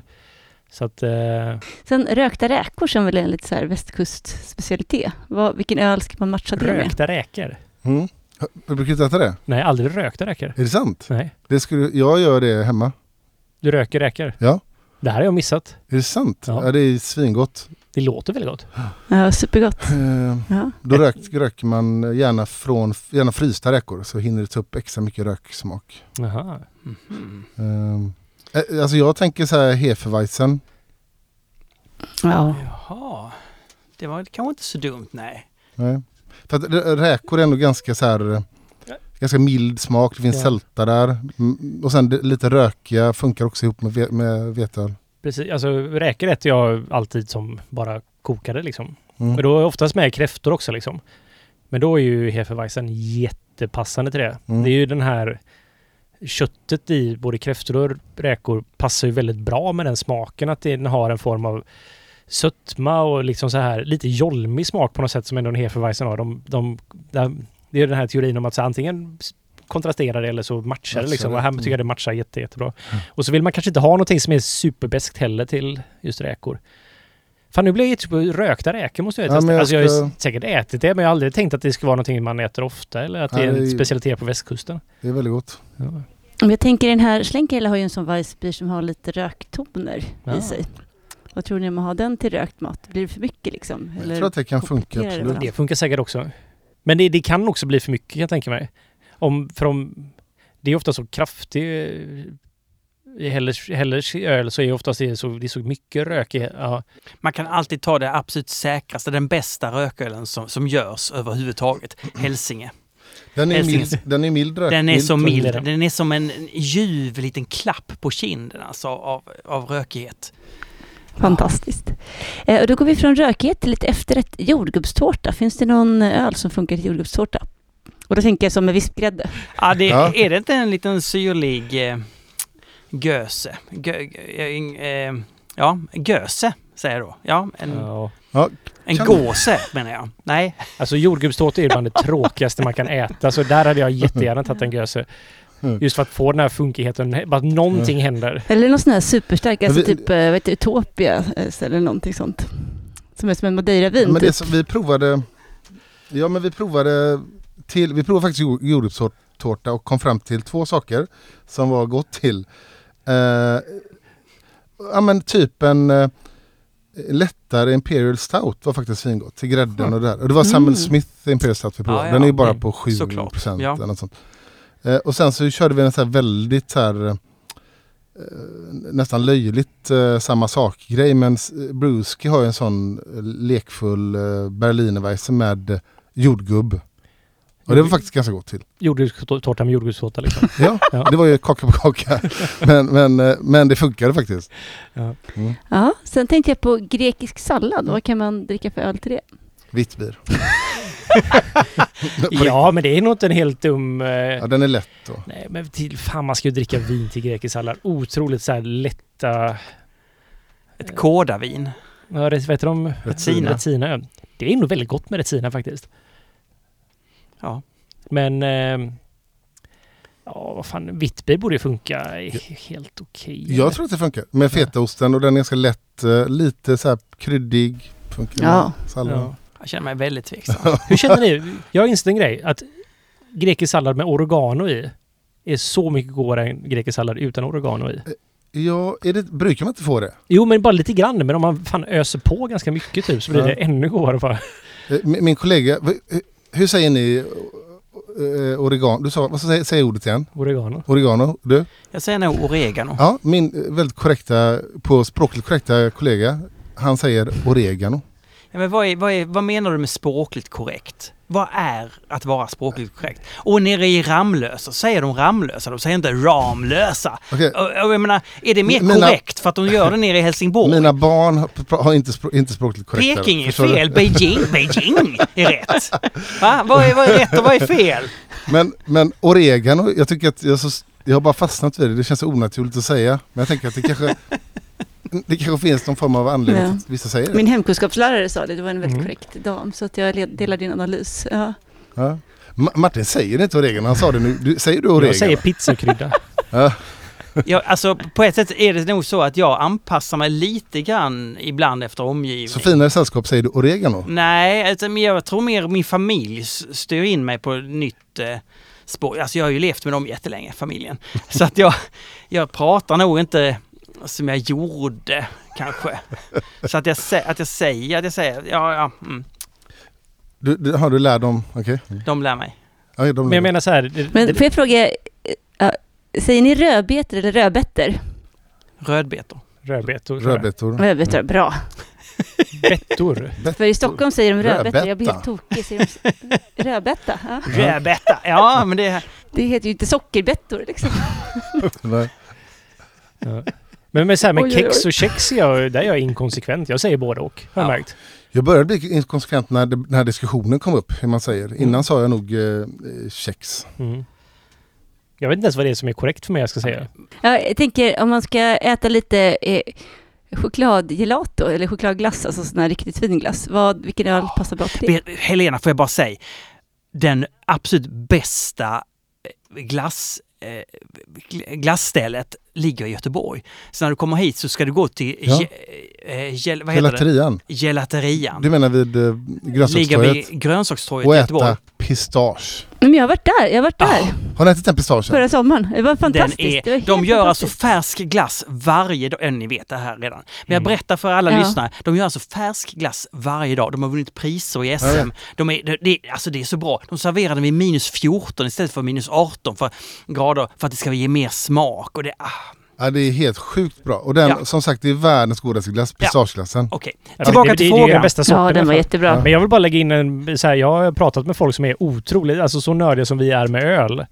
Är de med glass? Och de tycker det är ett skitställe. Ja, de tycker det är sådär. Det, det är helt okej typ.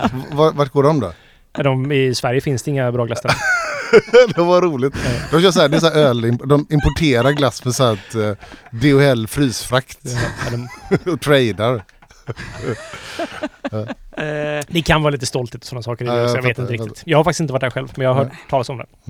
men alltså att vi ska ha en öl till glass helt enkelt. mm. Alltså- det, låter, det låter ju som att vi går in på den här Imperial Stouts eller Barley Wine eller Fast sånt där. alltså, antingen kontrasterar man och då tänker jag, vad är gott med choklad? Eh, hallon. Så hallon eh, Mm. eh, lambic typ. Det hade varit gott Mm. faktiskt. Mm. Jag är mer inne på det också. Jag har försökt para choklad med typ porter stout och i olika styrkor och olika söta nivåer och sådär. Jag tycker inte det funkar så bra faktiskt. Eh, Ah. För sa du chokladglass, sa du det? Eller sa Ja, du? precis. Chokladglass. Eh, För jag, jag, det är lite svårt för vi, vid något sammanhang så testade vi den här, eh, skulle vi göra som beer float och det har jag inte gjort innan. Eh, och, och då tänkte jag så här, pastry stout Ja, just det. Oh. med vaniljglass sådär. Och det är bra på pappret men sen blev det konstigt ihop. Jag håller med. Eh, Den enda gången jag, Baltic Porter som vi hade, fick jag någon gång, det var inte jag som gjorde det, det var någon annan som gjorde beer float med det. Jag hade köpt vår, och det var faktiskt enda gången jag bara såhär, shit det här funkar ju Ja, det faktiskt. var bra, okej. Alltså nu nämner ni ordet beer float. Ja. Vad är, vad är det för något? Det är alltså glass i öl. Mm. Det är beer float. Du får gå, ner till, en- gå ner till Humlan och ta en beer float. Humlan! Okej. På, på floran. Omnipollos flora. Nej men det är väl Omnipollo, eller Omnipollo, eh, hur man nu säger, som har gjort en, en grej av det i Stockholm i alla fall. Jag vet inte hur det är i Göteborg. Att de Ja, men det var sånt. just det ölet vi provade, vad heter det? Noah. Och, och vaniljglass. Och då blev det liksom lite... Och Noah är ju inte besk men den upplevdes som väldigt besk upp med glassen. Det var någonting som hände där. Men jag har nog hittat rätt kombo för det är många som säger att det här kan vara vä- väldigt bra. Mm. Mm. Jag hade nog kört en, en kanske Bon Krik eller någonting, lite snällare Ja, krik. Men jag är också inne med på att man faktiskt är bättre att kontrastera med den och ta... Hade det funnits en pistageöl, för pistageglass och chokladglass är ju den bästa kombinationen. Gör pistageöl Olle. En pistagesaison. Det låter Jag kan italienskt. komma och ja. krossa p- pistagenötter, öppna och krossa. Och så avslutningsvis så tänkte jag en riktig sån vinrätt kan man väl säga, som en brieost, vindruvor och kex. Vad, vad hade ni valt för öl till det? Brieost är ju ganska... Det smakar inte supermycket va? Det är mest Nej, så här Nej, det är krämigt liksom. Ja, Mm. precis. Nej. Eh, jag hade faktiskt ändå kunnat... det- Om man köper en riktigt bra brie så är den, kan ju vara otroligt funkig eh, ändå. Mm. Och jag skulle kunna tänka mig att faktiskt gös funkar rätt bra till det. Mm. Brios kan ju vara jättetråkigt och jättespännande. Det är ju... Och däremellan såklart. Men... Eh, det skulle även funka med någonting som ändå har lite, alltså typ... Eh, alltså maltig, alltså kanske inte hela vägen till en barley wine med så mycket sötma men ändå någonstans där uppåt där liksom. Mm. Kanske en klosteröl, en Roquefort eller någonting. Ja men precis, det skulle jag ändå säga någon av de här lite, som ändå är lite inte så smakrika, eller man, men de, de, de, i alkoholen och eh, färgen gör att man ofta tror att de smakar mycket mer än vad de gör faktiskt. Jag tror Ja. Ändå... Men, men gösen så i början kanske inte är helt tokigt för vad heter den osten som är så jävligt krämig? Bri- Briat Savarin? Ja så här. precis, jag kan inte uttala det. Jag vet inte, ja ni vet vad jag menar i alla fall. Ja. Den, är det lite åt det hållet? eh, För den är Ja. ju superbra med gös till det. Ja, Den skär precis. igenom. Den är jättebra till det. Den, eh, den är... Alltså bra brieost är ju som det, fast oftast lite funkigare skulle jag säga. Den är ju ganska mild. Okej. Briant Ja, savarin. eller vad Det kan vara lite champinjontoner och sånt också. Ja. Precis. Men du, du, var det sista?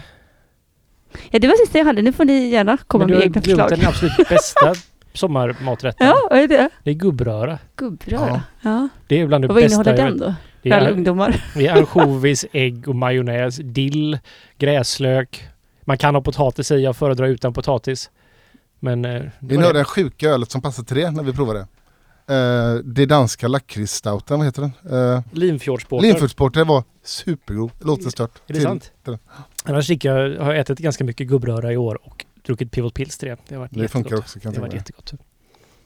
Knäckebröd och gubbröra. Jag, Ah, jag, jag hade kunnat leva på det. Nästan så att jag går hem och gör det nu. Mycket ansjovis ska det vara också. Mycket dill. Och gräslök. Och rödlök. Vad tror ni om duell till det? Funkar det? Ja, duell har nog funkat. Men jag tänker lite spritsigt, tänker jag. Ja. Mm. Duell är, det är nog, nog ganska underskattad matöl faktiskt. Absolut. Den, jag tycker det, ja. för den är både frisk och har mycket karaktär. Lite eldig. Den klarar av ganska mycket mat tror jag. Mm.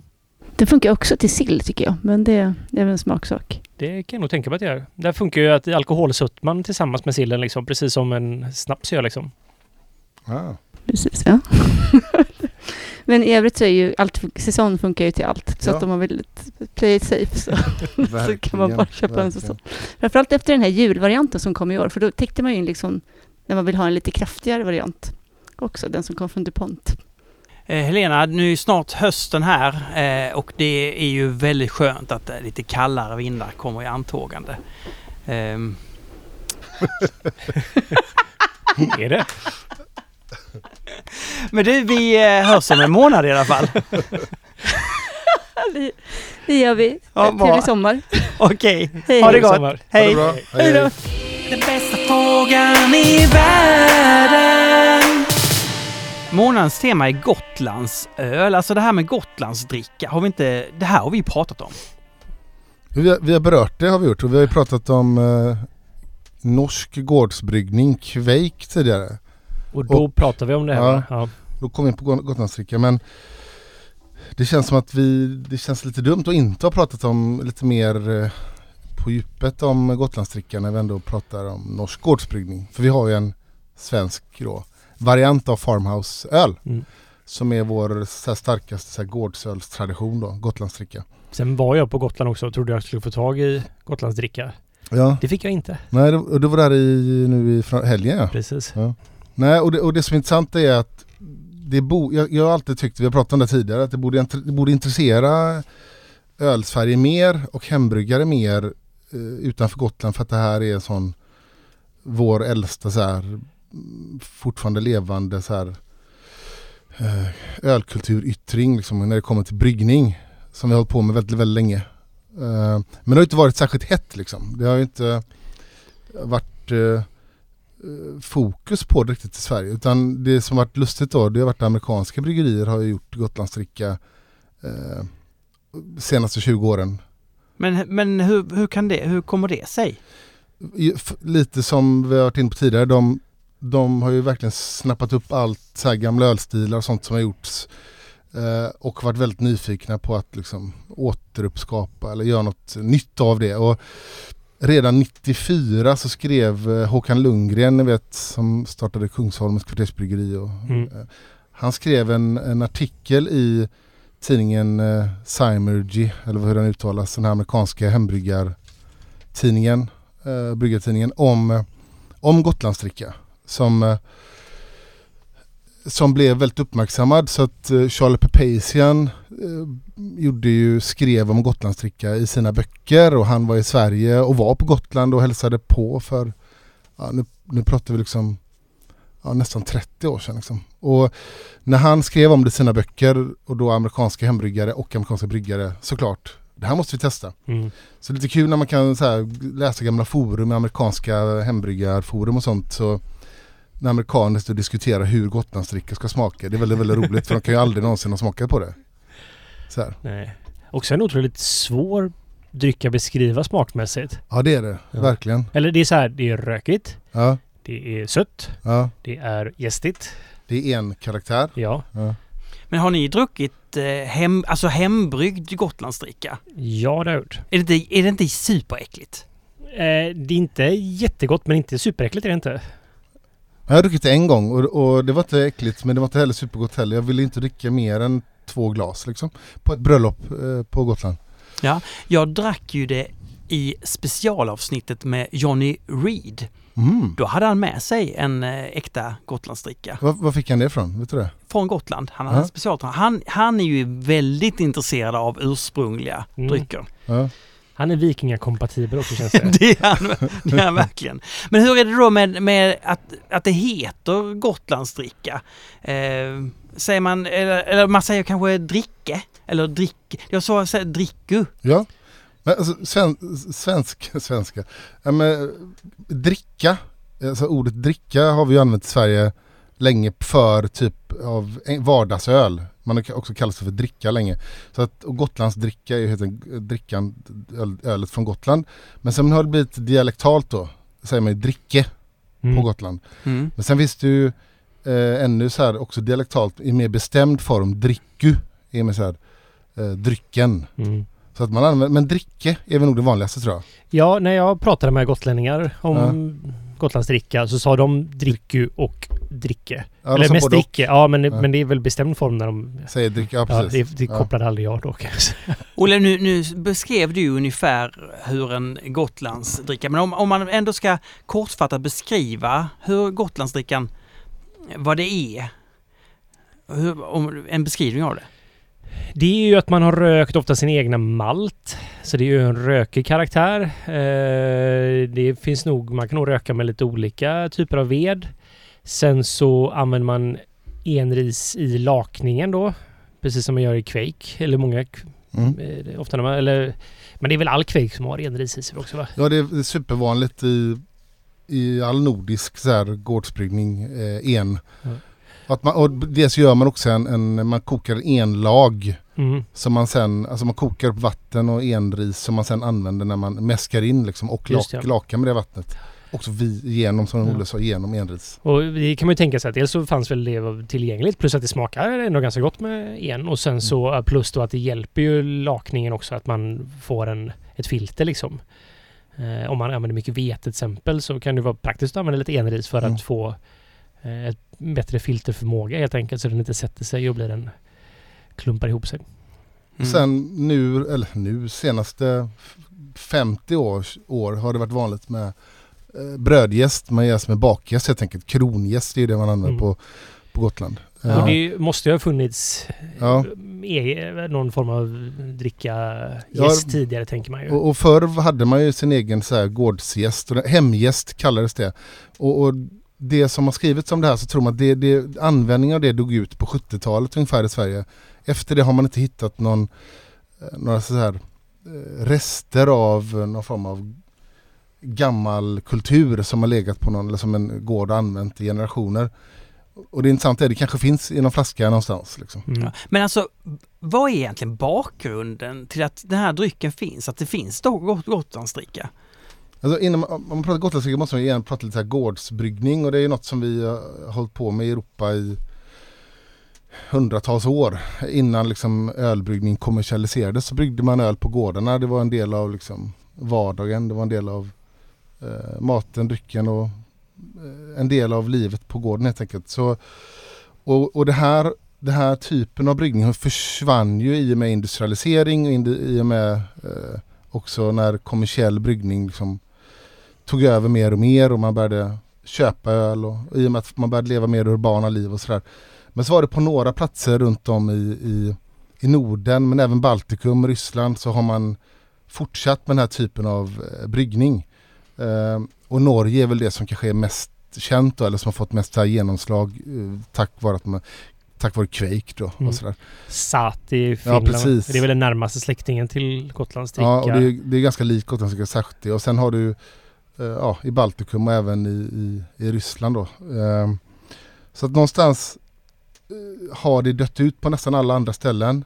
Ehm, och det dog ut också på eh, i Sverige på många ställen. Om man tittar på så här vad som finns beskrivet i den här Lars Marius Garsholt som vi pratade om som har skrivit de här böckerna om så här nordisk så här gårdsbryggning. Ehm, han menar ju mer att om man ska hitta, när man hittar bevis till det på Gotland så han har hittat även i andra ställen av Sverige eh, den här typen av öl och då menar han att på 1930-talet har han hittat så här källor att det gjordes den här typen av gjordes på tre ställen i Sverige. Det var på Gotland, det var i norra Dalarna och det var i ut, Hanöbukten, det borde väl du känna till? Är inte det Mm. Skåne Ja. eh, på östkusten där? Hur gjorde man Gotlandsdricka förr? Alltså, ja, men Skåne och Blekinge Ja, typ. Eh, Skåne Blekinge. där har man hittat så här bevis då på, på 1930-talet på att det gjordes den här typen av gårdsöl. Eh, sen så försvann det även från så här, eh, Dalarna och Hanö utan där, där det har levt och vidare är på Gotland.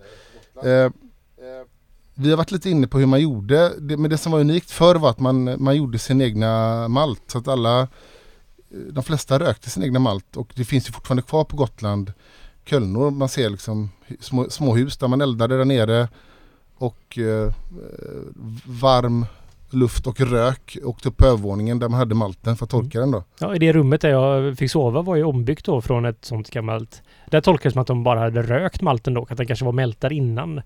Eller så gör de det samtidigt. Satt det kvar någon rök i väggarna? Nej, det gjorde det inte faktiskt. Ja, det var ju bra. Ja. Bra renoverat. Men de här husen användes ju för, alltså det var, de användes för bakning och för, för bryggning. Att det var så här funktionshus som man hade som var liksom gjorda för att uh, göra, göra goda grejer. Helt enkelt.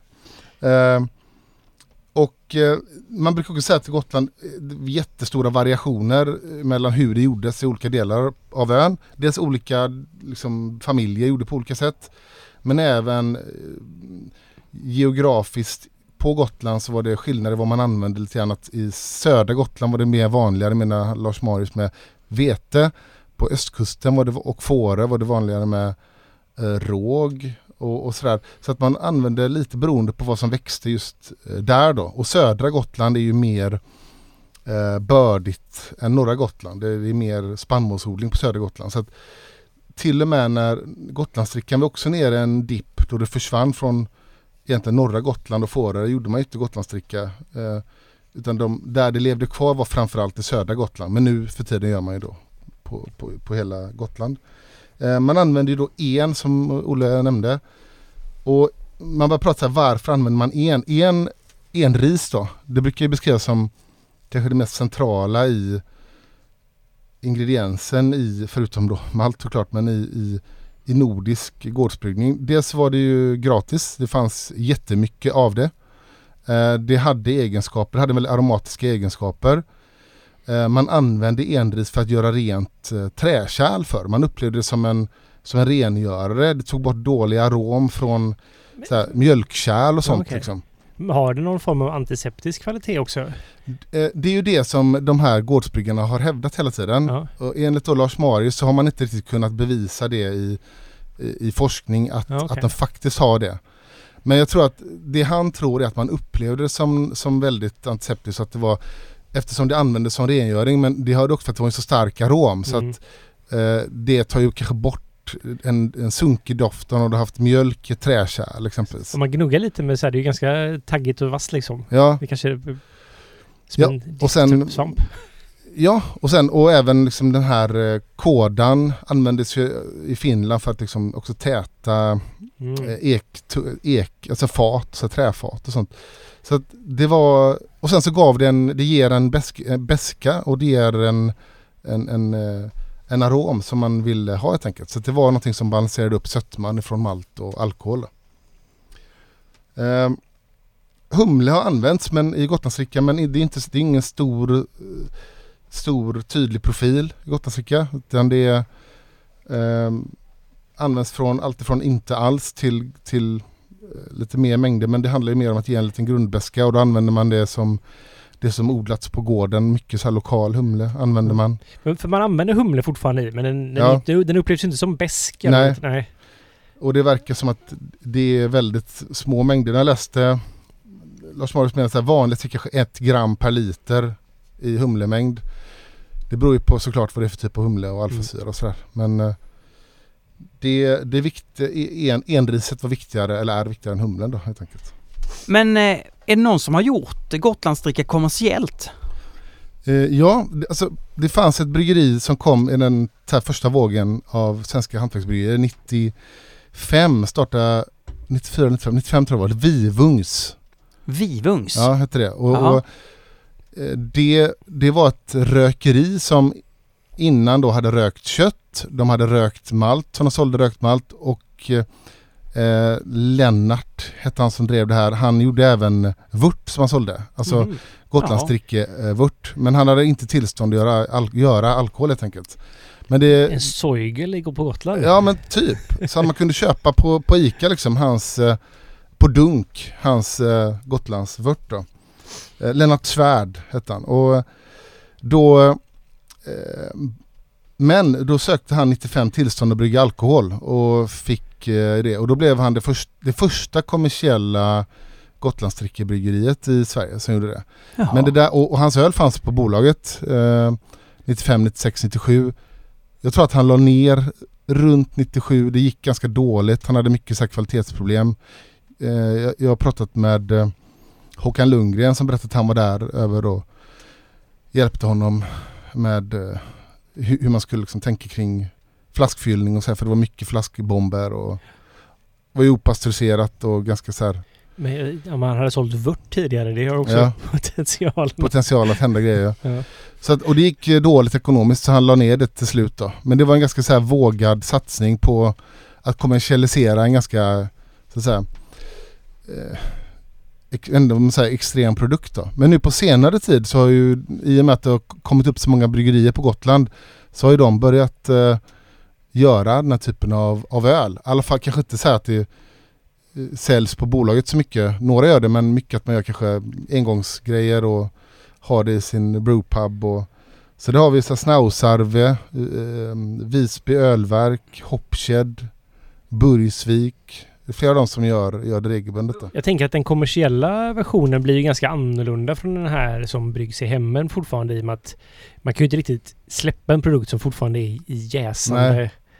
stadier. och sen är det liksom ju- att det blir, det blir en lite cleanare version av det hela då liksom. Verkligen. Och bara det att ge det lite kolsyra jämfört med en helt flat produkt gör ju också sitt så att säga. Ja. Och vi, vi provade ju faktiskt Dunder om du kommer ihåg. Mm. Den Från Visby ölverk. Ja, Visby. Och den var eh, jättegod. Och sen har vi även provat den här, eller gjorde, nej, gjorde vi inte tillsammans va? Burgsvik har en rököl på bolaget. Jag har inte provat den. Nej. Så den har vi inte provat tillsammans. Du har provat den? Ja. Ja. Eh, Och den, eh, jag har också provat den. Den var eh, rökig med en karaktär fast ändå ganska så här lite mer kommersialiserad jämfört med Mm. de lite mer hardcore hembrygderna man Mm. annars tänker kopplat till den här ölstilen. då. Ja.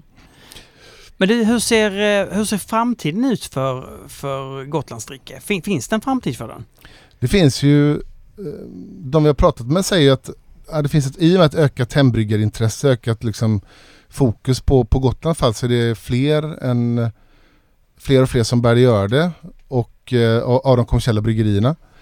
Och att det finns det finns ändå ett intresse, starkt intresse att hålla kvar den här liksom, traditionen och kulturen då.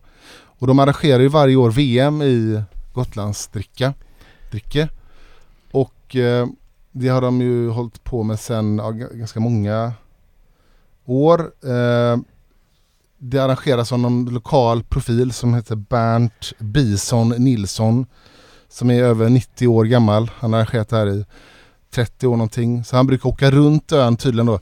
En runda på 50 mil för att plocka upp dunkar hos de som vill vara med. Eh, och om man inte kan lämna in till honom så kan man lämna in det på eh, biblioteket i Burgsvik. och så hålls det här, det ska hållas nu 8 oktober i år ska de ha VM igen då. Ska vi åka dit eller? Ja det skulle vara kul faktiskt. Och, men det är inte så här, hur stort tror ni att det är? Hur många är med tror ni och, och, och tävlar i VM? Lämna in en dunk. Ingen Jag gissar på aning. 60 gårdar. Ja väldigt bra gissat. Alltså det är runt 60, 50-60 eh, dunkar får de in eh, till tävling varje år. Och det som var roligt då för då läste jag att det finns en dam eh, som heter Bettan Svanborg som har varit med sedan 2013. Och hon har vunnit sen 20, mellan 2013 och 2020 var nog sista gången de hade det, eller 2019. Så har hon vunnit tre gånger. och jag tänkte så här, och då, då, vad jag gjorde idag, jag bara sökte på Bettan Svanborg Gotland och det fanns ju bara en. Och så ringde jag upp henne. Och så jag pratade med henne. Va? Ja. Är det sant? Hur gick det då? Det var helt fantastiskt. Eh, först hon undrar ju vad, det, vad jag var för en kuf som ringde och, och, frågade om det här. Men så berättade jag att jag hade läst om att hon hade vunnit och så här. Och då började hon berätta att jag frågade varför började du göra det här och då sa hon att eh, de hade en, en gris eh, som, som de skulle så, så här, jag tyckte hon sa fl- eh, liksom eh, skolla då. Eh, en, en, och då hade hon köpt en kastrull på 75 liter. Men den här grisen hade de blivit lite fästa vid så de kunde inte göra det. Hon, kunde inte, hon hade ett hjärta att göra det helt enkelt.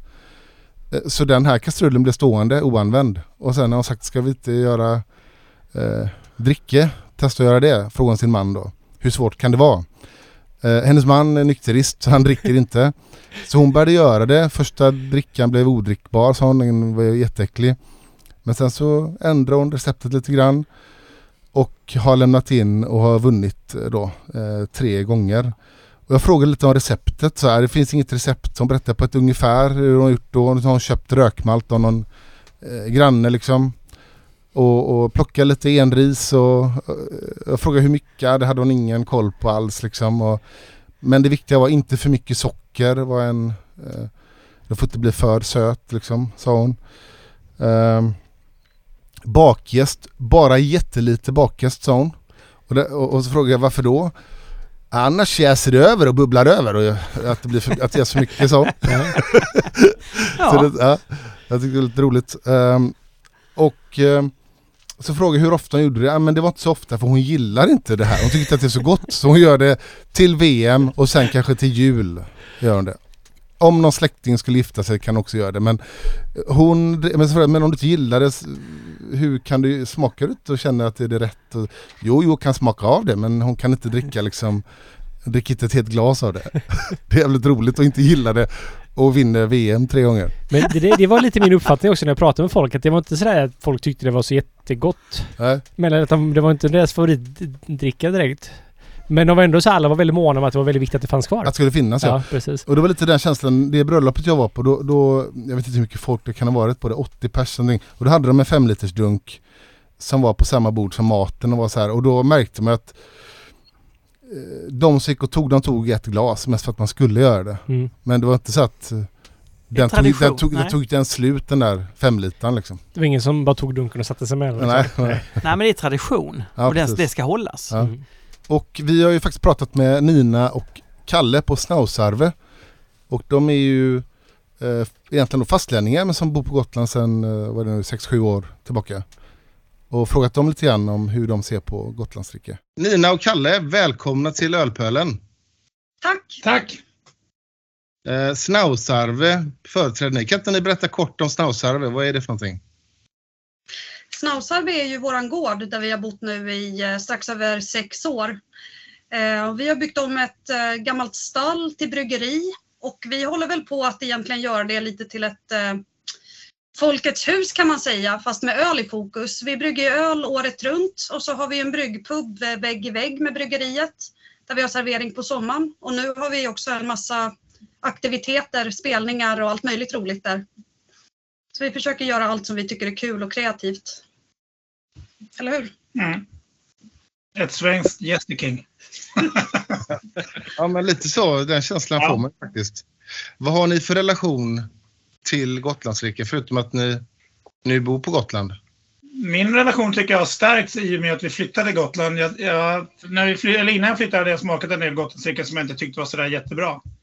Eh, nu har jag druckit både jättegod Gotlandsdricka och framförallt är det väl hela kulturen kring Gotlandsdricka som jag tycker är väldigt spännande och, och som tilltalar mig väldigt mycket. Eller oss. Mm. Eh, Dricka är ju främst, det är ju verkligen en tradition. Mm. Ehm, Alla har ju väldigt olika recept, det kan smaka på väldigt olika sätt.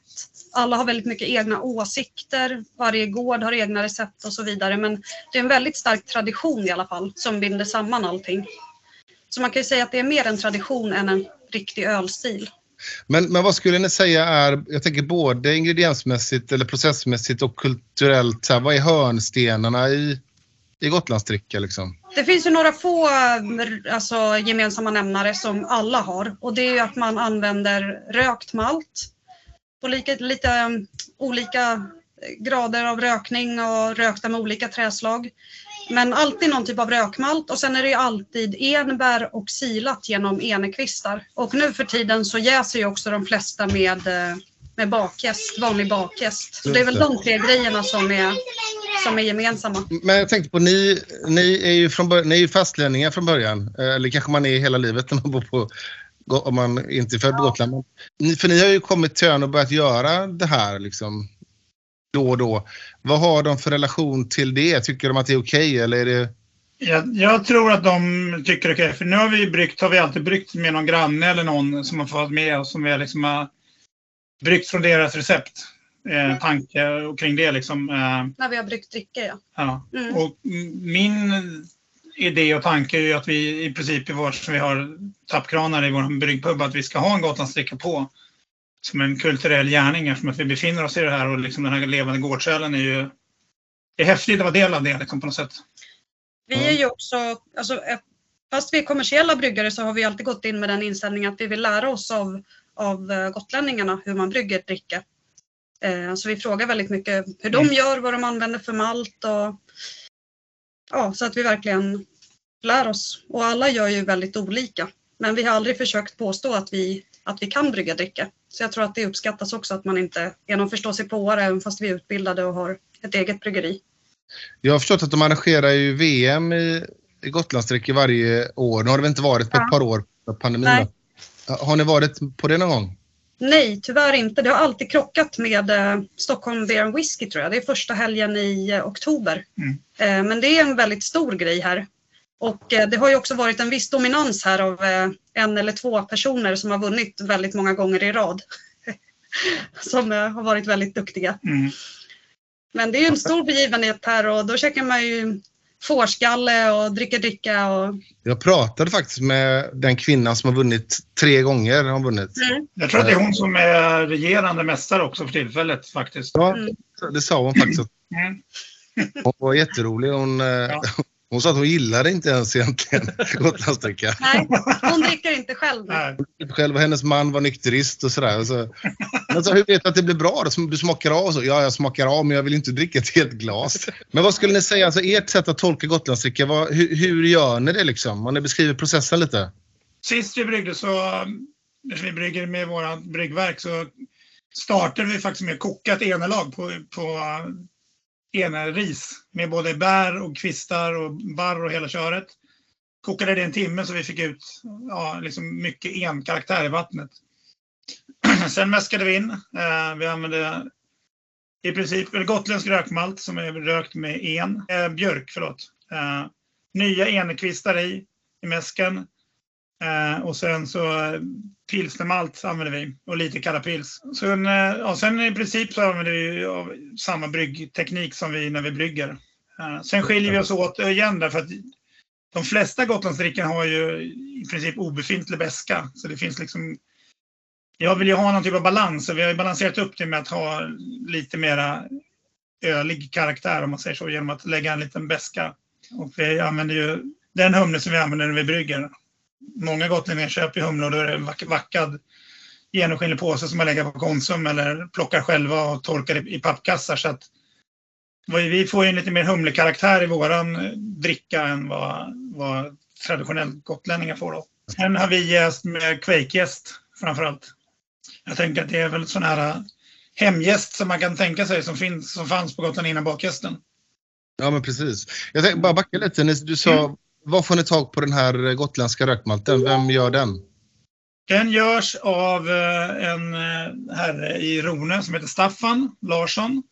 Som också har Rone bryggeri. Men han eh, har byggt en helt egen mältningsanläggning för att framförallt göra whiskymalt från början till Gotland Whisky. Så han odlar allt korn, mältar och ja, kör hela processen.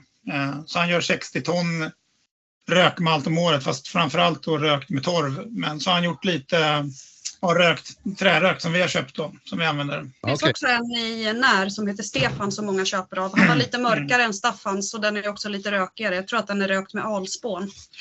Eh, Så man pratar ju liksom inte EBC eller rostningsgrader här. Utan folk känner till om det är alspånsrökt, om den är mörkare. Ibland pratar de också om tysk malt. Då antar jag att det är någon typ av kanske Münchner. Eh, Så lite så. Men det är intressant det där som ni var inne på lite grann att de, att folk har väldigt mycket åsikter om hur man ska göra drickor men jag får också en känsla av att de kanske inte kan så mycket om, alltså om bryggning, eh, inte vad sån, men ni förstår vad jag menar, vad som Ja. egentligen händer och sådär. För när jag pratade med hon som hade vunnit VM tre gånger nu då, så det verkar ju inte som att hon hade superkoll på vad som hände egentligen. Ja, nej, men det skulle jag nog säga stämmer ganska väl. De kan brygga men de förstår ju inte riktigt vad som händer i processerna. Om man säger så. så att det har jag känt varit tydligt för oss. Det är ju liksom att vi, när vi har varit med och bryggt dricka så är det liksom, då lyssnar vi. Vi sitter inte och, som besserwisser och säger jaha, ja men nu är det försockringsrast eller nu är det hej och hå, utan det låter vi bara vara. Ja, För det är det. mycket myter om att nu är det lågtryck, då blir drickan sur. Eller nu är det det här och då blir det så här. Det finns väldigt mycket sån vidskepelse kvar. Som är, och det är ju väldigt spännande att lyssna på tycker jag. Det är roligt att höra och, och liksom, ja. Man får inte brygga när det åskar för då vänder sig drickan. ja. Då blir den sur på en gång. Okej. Men det- som jag har upplevt är att de flesta har ju stenkoll på sin utrustning för man gör alltid på samma sätt. ja. Och man har gjort det kanske med äldre släktingar eller med sitt bryggarlag och lite sådär. Så att de vet ju precis hur mycket malt och hur mycket vatten och hur många enekvistar och sådär. Men att man kanske inte förstår processen men att det blir ändå eh, liksom likadant varje gång för att man har gjort det så många gånger. Jag förstår. Det är så när man startar som hembryggare. Ja, precis, precis. Har ni någon känsla av eh, om det här är någonting som håller på att dö ut, bryggare eller någonting som håller på att växa och blir mer populärt eller är det bara gamla människor som håller på med det eller har ni fått någon sån Nej. känsla? Liksom? Nej, det, alltså det, jag tror inte att det kommer att dö ut. Det känns som att det är en ganska stark tradition fortfarande. Eh, förr i tiden var ju dricka liksom vardagsdricka, man drack det varje dag. Men nu för tiden har det ju blivit mer en festdricka. Så man brygger ju till till jul och påsk och midsommar och om det är bröllop och sådana stora begivenheter. Men det känns som att den traditionen lever vidare väldigt starkt. Ja, men jag skulle också säga att gotlänningen är oerhört stolt över, över drickan. Liksom, så att den, den har ju väldigt, väldigt starkt fäste på en. Uh, och sen så tycker jag att min upplevelse är också att i och med hembryggar, eller ja, hembryggningen, att det har blivit en stor grej, så har ju också många kanske startat med att brygga öl och sen insett att ja, men nu vill vi brygga dricka också. Så jag skulle säga att det är en trend som faktiskt att det är liksom snarare tvärtom. Så att inte, som, inte som man, när man pratar om i Norge, men det är väl mer kommersiellt då att man har deras liksom uröl eller gårdsöl, att de försvinner, de bryggerierna. För det är, så, alltså, för det är mer kommersiellt. Här är det ju liksom på hemmabasis och där att intresset är, är stort skulle jag säga. Ja, min upplevelse är att det, att det ökar snarare än minskar. Absolut. Mm. Men bara liksom, jag tror inte att det går att kommersialisera eh, drickan egentligen. Inte på Gotland i alla fall. För att jag tror inte många gotlänningar skulle vilja betala för det. Det är något man gör själv och man bjuder på. Det är inte något som man tar betalt för. Vi brukar ju också få en dunk eller en petflaska eller något i brevlådan mm. till påsk och jul. Och, ja, det är liksom det är så man gör. Det är så man mm. delar på det. Det där är jätteintressant. Men, men, men jag tänker på kommersialiseringen. Skulle det kunna finnas ett... Alltså utanför Gotland, i resten av Sverige, skulle det kunna bli ett ökat intresse? Och vad skulle, vad skulle kunna skapa ett ökat intresse i resten av Sverige om du förstår vad jag menar? Jag ska säga, det som jag tror det är ju liksom tråkigt nog att säga, det är ju att någon av er, inte, inte du Fredrik, men OO eller Stig Bergs eller något av de här mest kreddiga bryggerierna som kan få brygga vilken ölstil som vill, som ni vill. Som, ja, ni har ju liksom den, den plattformen att jobba ifrån. Det tror jag skulle kunna väcka intresset. Gör vi det så kommer den bara försvinna bort. Eller som Visby ölverk som har, har bryggt en dricka då, som är kommersiell. Mm. Även Burgsviks bryggeri ja. har en dricka ja. som så. de har på Systembolaget. Men nej, alltså drickan är också en sån väldigt färsk dryck. När man brygger den så börjar man ju smaka. Jag säger inte nalla, jag säger smaka. Redan efter några dagar när den har kommit igång och jäsa för att man vill ju kolla att den blir bra. Liksom.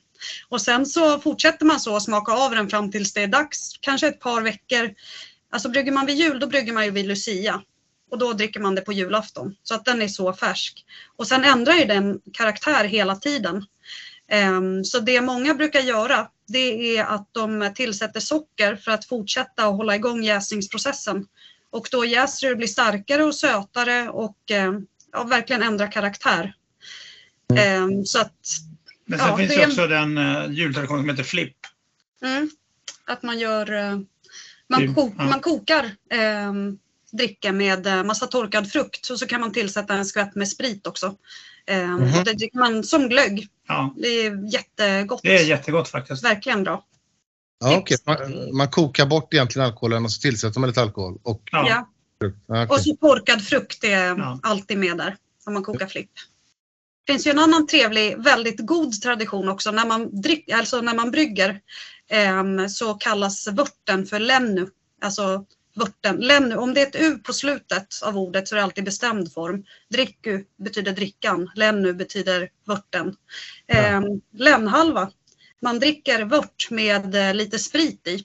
För man vill ju också smaka på vörten och se att den liksom är bra. Det är många som liksom, ja det var en, det var en bra vört, det här kommer bli en bra dricka. um, så lämhalva det tipsar vi också starkt om. Det är ja. riktigt gott. Ljummen vört med en skvätt sprit i. En annan sak jag tänkt på, ni nämnde så här högtider och fest och sådär. Um, har det historiskt varit någonting som man äter till, eller dricker det här till någon specifik typ av mat? Eller? Det finns ju en gotländsk tradition ehm, när folk gifter sig, att man har brudvisning. Det är att man, eh, de som inte har blivit bjudna på ehm, själva ceremonin och festen och sådär, de eh, blir inbjudna på kvällen för att ja, lyckönska brudparet och då brukar man bjuda på dricka och kringler, salta kringler. Eh, och det är en tradition som många fortfarande håller på med. Så det är typiskt med kringler till Ja, men annars är det väl liksom eftersom att det varit en eh, vardagsdryck och sen så en högtidsdryck eller vad ska man säga, jul, nyår, eh, påsk. Så att den har väl funkat till den vanliga liksom, traditionella julmaten, påskmaten, mm. midsommarmat. Alltså, så det står på julbordet liksom till maten? Ja, ofta. och det är ofta så många brygger i år, alltså man brygger till högtiderna. Liksom. Ja. Vi blir alltid bjudna på att dricka till julmat om vi är hos några grannar och mm. käkar De jag pratar med på Gotland nu, Anton beskrev det som att hans farfar inte drack något annat än drickor. Nej, okej. Han, de har aldrig sett honom dricka vatten. Nej, just det. Okej. Att, eh, men det var ju väl, den vardagsdrickan var ju väl... Den var väl eh, fattades som väldigt alkoholsvag, alltså 2-3 procent någonstans där. Ja. Det, att det var en skillnad på den som var oftast i festerna och julen. Sen får jag bara säga om Ja. den här svaga, vad heter det, varianten på, när den är lite alkoholsvagare. Det har ju alltid kallats för Kellingedricke. Just det. Och Kelling är ju dam, alltså det har ingen negativ klang på gotländska. Men det är bara det man kallar den Mm. svagare varianten. Mhm. Sen fick jag känslan också när jag pratade med folk att det var en stor skillnad på den syd, sydliga drickan och den norra drickan. Att det var mycket bättre. Nu var ju de här från södra Gotland visserligen. Men är det någon form av beef som bara finns i allmänhet eller är det, är det stor skillnad på den norra och den södra drickan? Nej, jag har aldrig hört att det skulle vara någon beef där. Däremot eh, när de lägger agtak så är det ju världens största beef mellan norr och söder. Men just när det gäller dricka så tror jag att det är väldigt eh, upp till varje gård och varje släkt att de har egna traditioner och recept och sådär. Det är vad jag har upplevt i alla fall. Okej. Det kan- Det kan säkert stämma, men jag känner inte heller igen det. Men det skulle inte förvåna mig att, att det liksom skiljer sig, även om alla har egna recept, att de skiljer sig liksom lite grann. Att det finns mer likheter med dem uppe i norr och de finns mer likheter med dem nere i söder. Liksom så. så det skulle inte förvåna mig. Det kan vara jag som läser in för mycket för vi pratade också om att det var, de, de tyckte ju att det var sämre på norra sidan än vad det är på södra sidan. Ja, ja. Jo, men så är det ju. Så är det säkert också. Jag läste den här eh, Lars Marius Garsholls bok, den här Historical Brewing Techniques. Så har han ju gått igenom gamla gotländska recept från olika delar av Gotland. Och det verkar ändå ha funnits, i alla fall förr, att man använde lite olika, man gjorde det på lite olika sätt på olika delar av ön. Ehm, att vete var mer använt på allra mest söderut, för det fanns också, gjordes mer vete där. Och att det fanns råg användes lite mer på östkusten, att det till och med var sådana skillnader då förr. Mm. det, så att, I och med att det inte är så många som mältar längre så är det inte så stor skillnad längre. Men det kanske har varit det då. Det tror jag säkert, för man tog väl det som man hade på sin egen gård. Och tänkte, de flesta gamla Gotlandsgårdar har ju också en vind som är gjord för att mälta. Och många Mm. har utrustning kvar, bara att det används ju inte längre. ja, men en del Riktigt. använder ju, gör, Ja, en del gör eget brygghus med egna kulner som de gör rökmalt i. Så att, Jag, jag Men jag tror att det är lite så som jag tror att det är lite så som, som ni säger också att ja, men lite som med en säsong att man använder väl det, de sädesslag som man odlade på gården mycket och så mältade man själv och ja, då faller det sig säkert naturligt om man hade mer råg på östra delen så ja och så vidare. Jag tänkte på en sak det här ni sa som är ganska intressant om. För jag kan också förstå att jag har druckit eh, gotländska en gång på ett bröllop eh, på Gotland och den var ju väldigt stark, söt och ja, den är ju icke-kolsyrad traditionellt. Mm. Liksom. Man, det är ganska intressant smak men man inser att det är ganska svårt att kommersialisera det. Men, men så fort man kolsyrar det så händer ju någonting. Och så fort man som ni har lite humle i så händer ju någonting. Och det, vi provade den här Dunder från Visby ölverk. Den var ju, den var ju god. Mm. Och, och den, den drar ju lite mer åt ölhållet tänker jag. Sådär. Ja. Och då undrar ni som har gjort lite åt det hållet då, skulle man kunna få publicera ett recept som ni tipsar folk som lyssnar på Ölpölen hur de kan göra lite ert, ert sätt att göra gotlandsdricka? Absolut. Absolut. Då lägger vi, ut, lägger vi ut det på, vår, eh, på vårt forum. Det vi har försökt introducera här till eh, våra grannar och de vi känner som, eh, som brygger dricka, det är att, att använda ölgäst istället för bakgäst.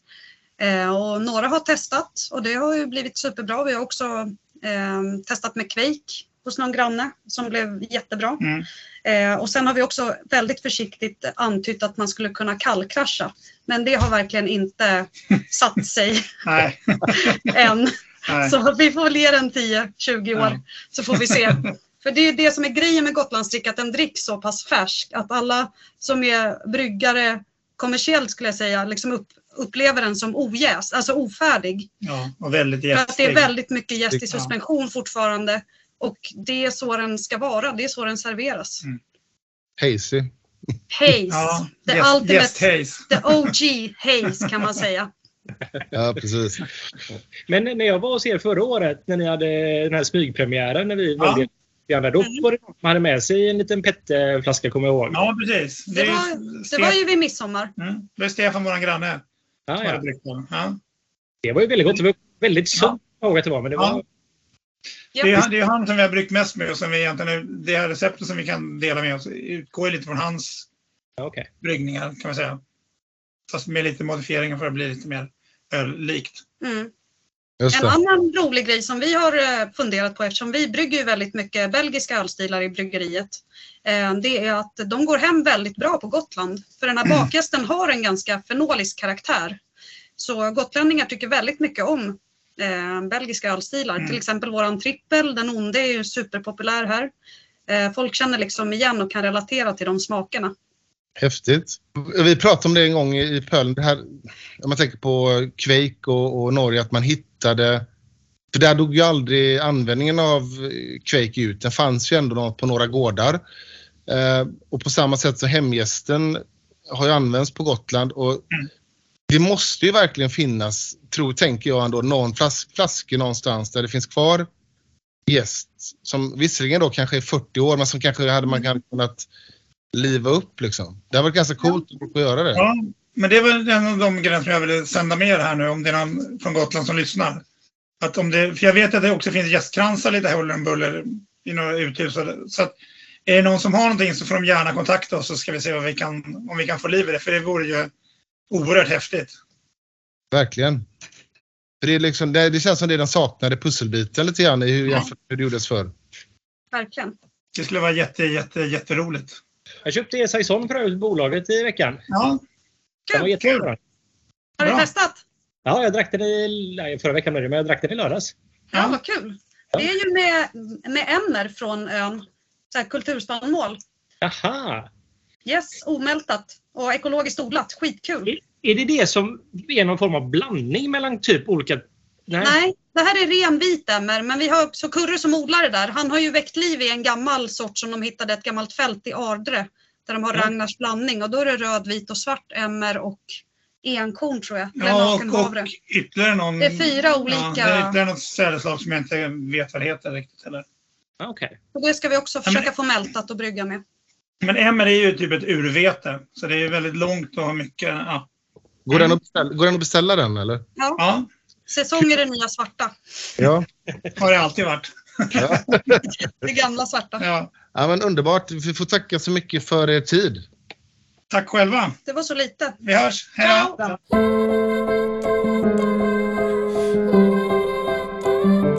Det var ju väldigt intressant. Alltså det är roligt att få deras perspektiv. För på ett sätt har de ju eh, nyktra ögon om ni förstår vad jag menar med det. Nej, men när man kommer utifrån så ser man ju det på ett annat sätt. Och det är ju också intressant att höra den bilden. Mm. Verkligen. Ja. Ja, det var kul att höra och de är ju liksom duktiga bryggare och det är kul att se hur de ser på så här en ganska inte säga, jag hittar inte rätt ord men en ganska så här eh, bryggarmässigt odefinierbar produkt egentligen. Hur de ser hur man gör Ja, det. ja, den går ju ganska emot mycket som är liksom vad vi anser vara så här. Det här är minsta möjliga. Man, om man ska vara ett bryggeri så måste man åtminstone kallkrascha. Man ska inte paketera serverande eller jäsande grejer eller servera grejer som är jäsande utan man ska och det, det går ju emot mycket av så här vedertagen så här minsta det är så här minsta gemensamma nämnande som bryggerier har som är så här att det här måste man ändå göra för att det ska vara ändå okej liksom. Ja, men, jag, och jag, men jag gillar deras inställning att de inte försöker lägga sig i för mycket när de brygger med gotlänningar. Att de försöker ha respekt för det också. Det, Mm. det kan jag gilla för, för eftersom de kanske lär sig någonting eller de, de kan ta till sig av kulturen och så vidare. Precis. Det är väldigt Ja. sympatiskt. Ja.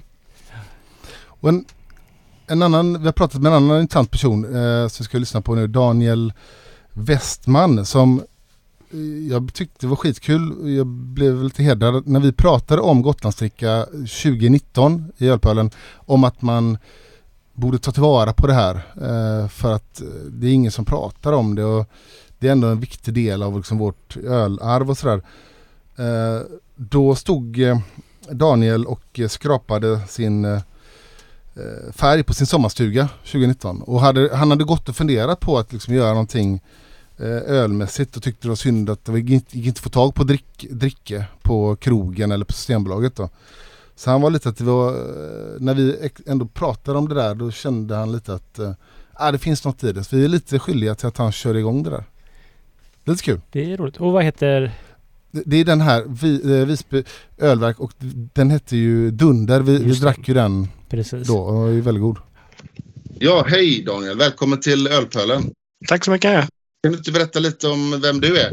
Och hur du kom in på bryggning och lite om Visby ölverk och sådär. Absolut. Eh, nej, jag är som eh, många som lyssnar på det här, eh, hembryggare, kom in den vägen. Började, fick småbarn och insåg att jag behövde ha någonting att göra. Eh, när alla hade gått och lagt sig klockan halv sju liksom, på kvällen. Um, och så, det var väl lite vevan uh, Quake blev, uh, började bli känt och populärt. Och man, jag började liksom, blev lite fascinerad av hela den svängen. Och, läste om gårdsbryggning i Norge och Sverige och så insåg jag att jag var jag var precis nyinflyttad till Gotland uh, och såg att jag, wow, vilket ställe jag har hamnat på liksom när det gäller traditionell bryggning och vilka traditioner som fanns här. Och blev liksom lite, ja, lite förvånad över hur lite Gotlandsdricka liksom ändå syntes och fanns. Man delade att man kände rätt bonde som, och visste när han bryggde för att man skulle kunna få tag på det. Eh, alla som bor här har väl liksom fått chans att smaka det någon gång på bröllop och på fester och sådär. Eh, men det är väldigt svårt om man bara vill ha tag på det plötsligt. Just det.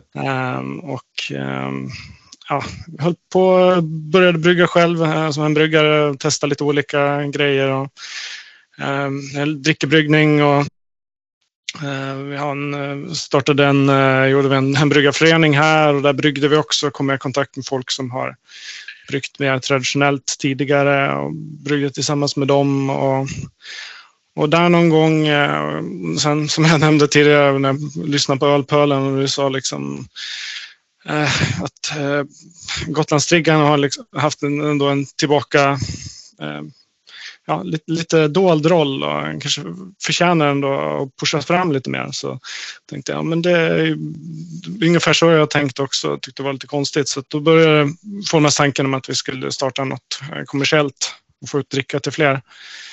Eh, så då frågade jag mina hembryggarkompisar förstås och fick med mig eh, tre personer till, då, Kalle, Daniel och Johan och eh, startade Visby ölverk. Och tanken var att vi alltid skulle, även om vi, även om vi var eh, hembryggare alla och gillade brygga pale ales och, och så vidare, att eh, Gotlandsdrickan alltid skulle finnas med som ett, en, ett fundament i bryggeriet. Och, och eh, testa liknande gårdsstilar och så också. Så det har vi gjort nu i två och ett halvt år och sånt. Eh, Haft det på systemet och Folkis också variant har börjat med och det funkar bra också. Hur har folk på Gotland tagit emot det här? Eh, Gillar man att, att det finns tillgängligt på det sättet kommersiellt eller? Ja, eh, när vi började, när jag pratade med folk eh, runt om, eh, traditionella bryggare och sånt och sa att ja, men vi tänkte börja eh, brygga det här, få på systemet, då var det väldigt blandade reaktioner. En del tyckte det var ja, men jättekul, andra var så här bara Ja, det är lite så här äh, tabu att kommersialisera det. Det är något som ska tillhöra gotländska folket och det ska vara lite en hemlighet här. Och, äh, och sen tyckte man att det går, ändå, det går inte att göra heller riktigt på riktigt sätt och få ut det på hylla för det är något som ska jäsa på flaska och vara en levande dryck och sådär. Äh, så att, äh, det, var både, det var både och. Men jag tycker att vi har fått förvånansvärt eh, få som har liksom sagt usch när vi väl har kommit ut med det. Utan det har varit eh, snarare glada, förvånande liksom, reaktioner. Att, oh, men, fan, det här, nej, det smakar fan dricker det här ändå. Eh, liksom, eh, och det har varit jättekul och när man träffar folk på festival och sådär. Och, och får se de reaktionerna. Eh, Just det. Va- varför tror jag tänkte på det. Om man tänker i alla fall på fastlandet så har ju Gotlandsdricka varit lite bortglömt. Eller det pratas ju väldigt sällan om det i så här hembryggar eller bryggarkretsar. Eller i alla fall har pratat sällan om det. Varför, vad beror det på? Gotland är ett litet ställe och det har hållit lite undanskymt. Man, man kanske har hört talas om det men inte fått chans att testa det. Och, eh, jag menar, många länder har man omfamnat liksom, de traditionella stilarna och sånt här. Men här i Sverige eh, har det blivit lite bortglömt. Det är som ett eh, litet glapp där från den gamla gårdsbryggningen eh, till att man glömde av det i slutet på 1800-talet och början av 1900-talet och ganska helhjärtat tog till sig eh, kommersiell eh, pilsner och svagdricka. Eh, och eh, ja, glömde bort det där väldigt mycket. Så att, ja, jag tycker det är tråkigt att man har tappat den delen. Så att, eh, jag menar, Gotlandsdricka är ju det är som man bryggde i hela Sverige och i stort sett hela Europa också. Så jag tycker att man kan eh, se det lite som hela Sveriges liksom, gårdsöl, inte bara Gotlands, även om det här det har bevarats. Om man säger så. Just det. För jag vet att du generellt, du, du tycker hela det här jag har förstått att du, svensk gårdsöl generellt är något som som du brinner lite grann för. Och vad är det du gillar med det så mycket? Nej, men det, det är en stor del av vår dryckeskultur och liksom vardagskultur. Men det, dricka, som man sa mycket förut, eller dricka eh, på fastlandet kanske var, var en vardagsdryck eh, i, sin, i den svaga varianten. Man drack till frukost och lunch och middag. Och barn och vuxna hade det på gröten, eh, allt möjligt. Eh, och så bryggde man det starkt till fest och så. Och sen kom ju allt eftersom vi fick eh, bättre mejeriindustri och kaffe blev mer populärt. Nykterhetsrörelsen kom.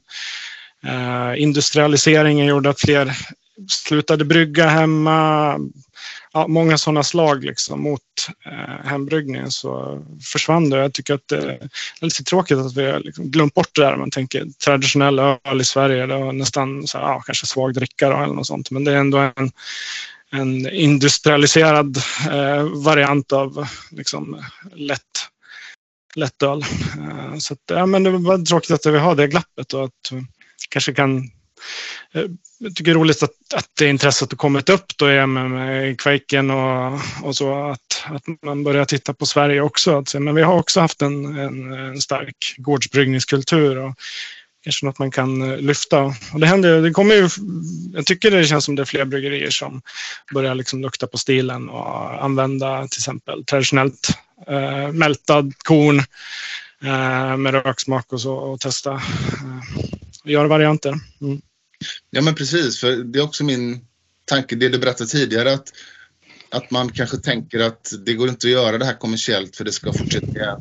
Men, men det går ju att göra tolkningar av det liksom, i, ja. i väldigt hög grad. Mm. Och jag tycker att, jag tror att man tittar på, eh, som Lars eh, Marius har rotat i här, ganska få ställen där man ändå har den här levande jäsningen och sådär. Och jag vet inte om det hur historiskt eh, man tittar på det så verkar det inte finnas någon direkt belägg av att, även här på Gotland, att man hade en så här ständigt jäsande utan förvarades på tunnor i källaren och så där. Så jag tror att, eh, jag har en teori om att det kan vara en, en sentida grej där med att man håller den färsk, kanske på flaskan ja. lite längre och dunk. Um, att det ska vara så himla sutt och, och, uh, och så.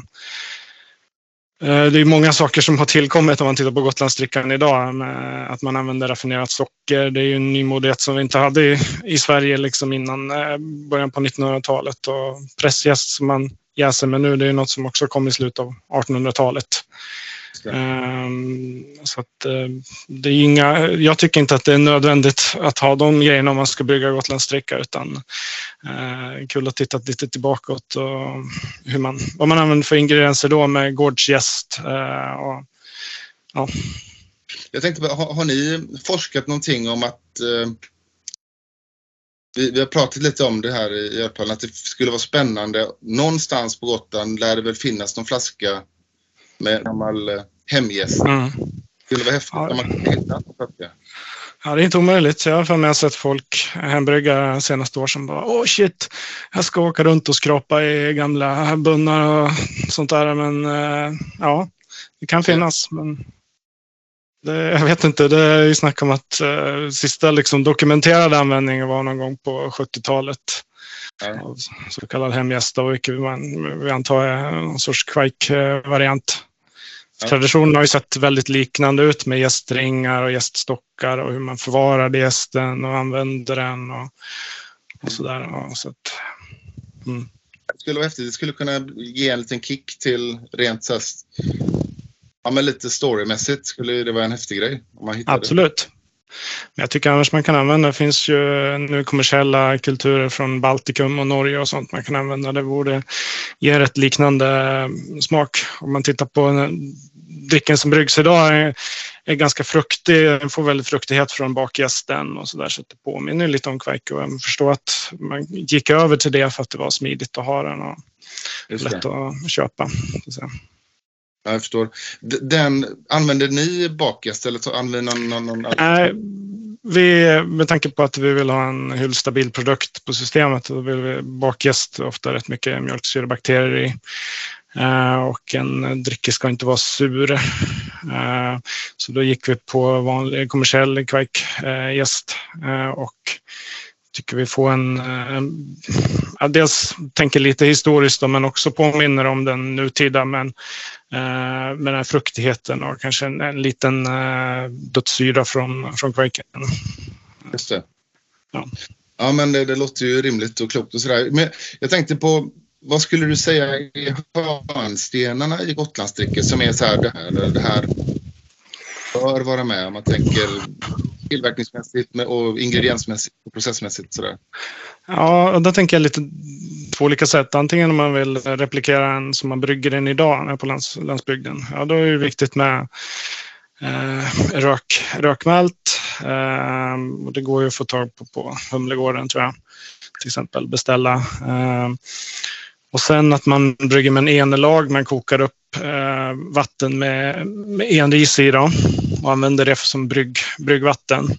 Mm. Eh, och eh, sen idag så är den ju oftast väldigt eh, söt och stark. Eh, så att oavsett vad man, man kan sikta på lite högre OG och sen efter, efterhand så matar den med mer och mer socker liksom, så att den blir stark och, och söt. Det är väl bland det viktigaste. Jag inte glömmer något. Rökmalt, ene, sötman. Eh, och sen, jag menar, färgen kan variera väldigt mycket på vem som brygger. Jag har sett eh, drickor som är nästan svarta eh, och andra som är väldigt ljusa. Eh, men jag tänker om man, om man går tillbaka lite hur man bryggde förr i tiden. Då var det ju, ja visst, då har vi fortfarande den här hemkölnade malten då. Eh, så att, eh, någon sorts rökmalt ehm, och eh, som sagt bak eller någon fruktig jästkvejk. Och enen verkar ju ha varit ett, något som går igen i stort sett hela Europa eh, när man brygger. Ehm, kanske inte alltid i bryggvattnet, men åtminstone som ett filter när man eh, lakar. Eh, och jag kommer inte ihåg vart jag läste om det. Eh, Lars, eller om det är en avhandling på Dricke, man pratar om att det var kanske lite mindre eh, enris använt när man bryggde på fastlandet i Sverige. Att den här enesmaken är lite mer karaktäristisk för eh, gotländska drycken.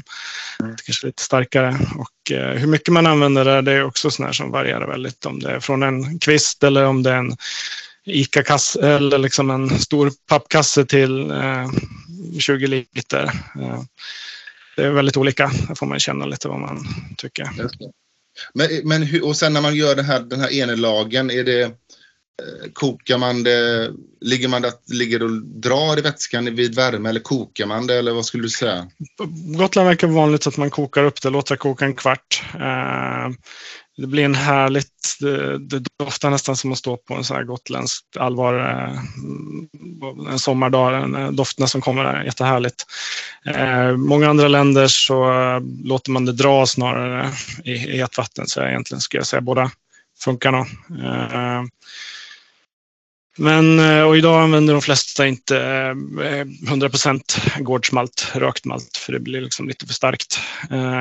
Och det kanske beror också på att de, de som man får tag på är ganska liksom, eh, tydliga i sin röksmak. Eh, eh, men annars, vi använder Münchnermalt och Wienermalt och vi har slängt i lite havre och vete också bara för munkänsla för att få den här fylligheten utan att behöva en all jäst från en aktivt jäsande. Liksom. Och, Ja, det kan man göra. Det är lite så här moderna hembryggarknep eller bryggknep. Men eh, det är å andra sidan inte helt historiskt okorrekt heller för att eh, man använder eh, råg, vete, ibland också havre traditionellt på Gotland.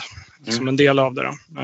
Finns, jag läste man använde 100% rågmalt, en del på uppåt Fårö och sånt där det växte vete, eller kornet växte sämre och så.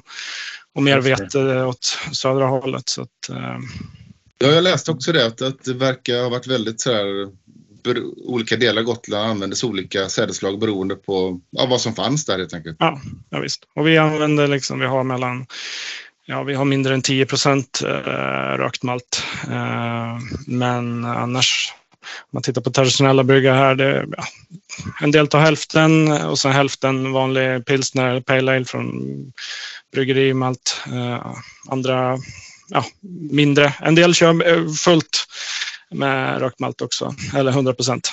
Eh, men då bör man ha en variant som är lite mildare. Just det. Mm. Ja, intressant. Och eh, jag tänkte på mer en, enebären. Hur... Det är inte alltid att de sitter på, eller på att säga. Nej, jag, jag tycker faktiskt inte de är viktigaste utan det är riset som är, ger karaktären. Så här. Vi har med enbär ändå. Jag har sett till att plockat så att jag har en eh, rejäl burk med mogna fina blå. Och så brukar jag försöka dra av om det är mycket gröna på. Eh, för det kan ge lite, lite sträv smak. Om man har mycket gröna bär på. Så kan man ju undvika. Det finns recept ibland ser man när man bara har enbär med. Men jag, menar, jag tror de flesta ställen i Sverige går det väl att få tag på lite enris. Så det tycker jag man ska ha med. Eh, och viktigast då är, att koka upp bryggvattnet först för att få den här smaken.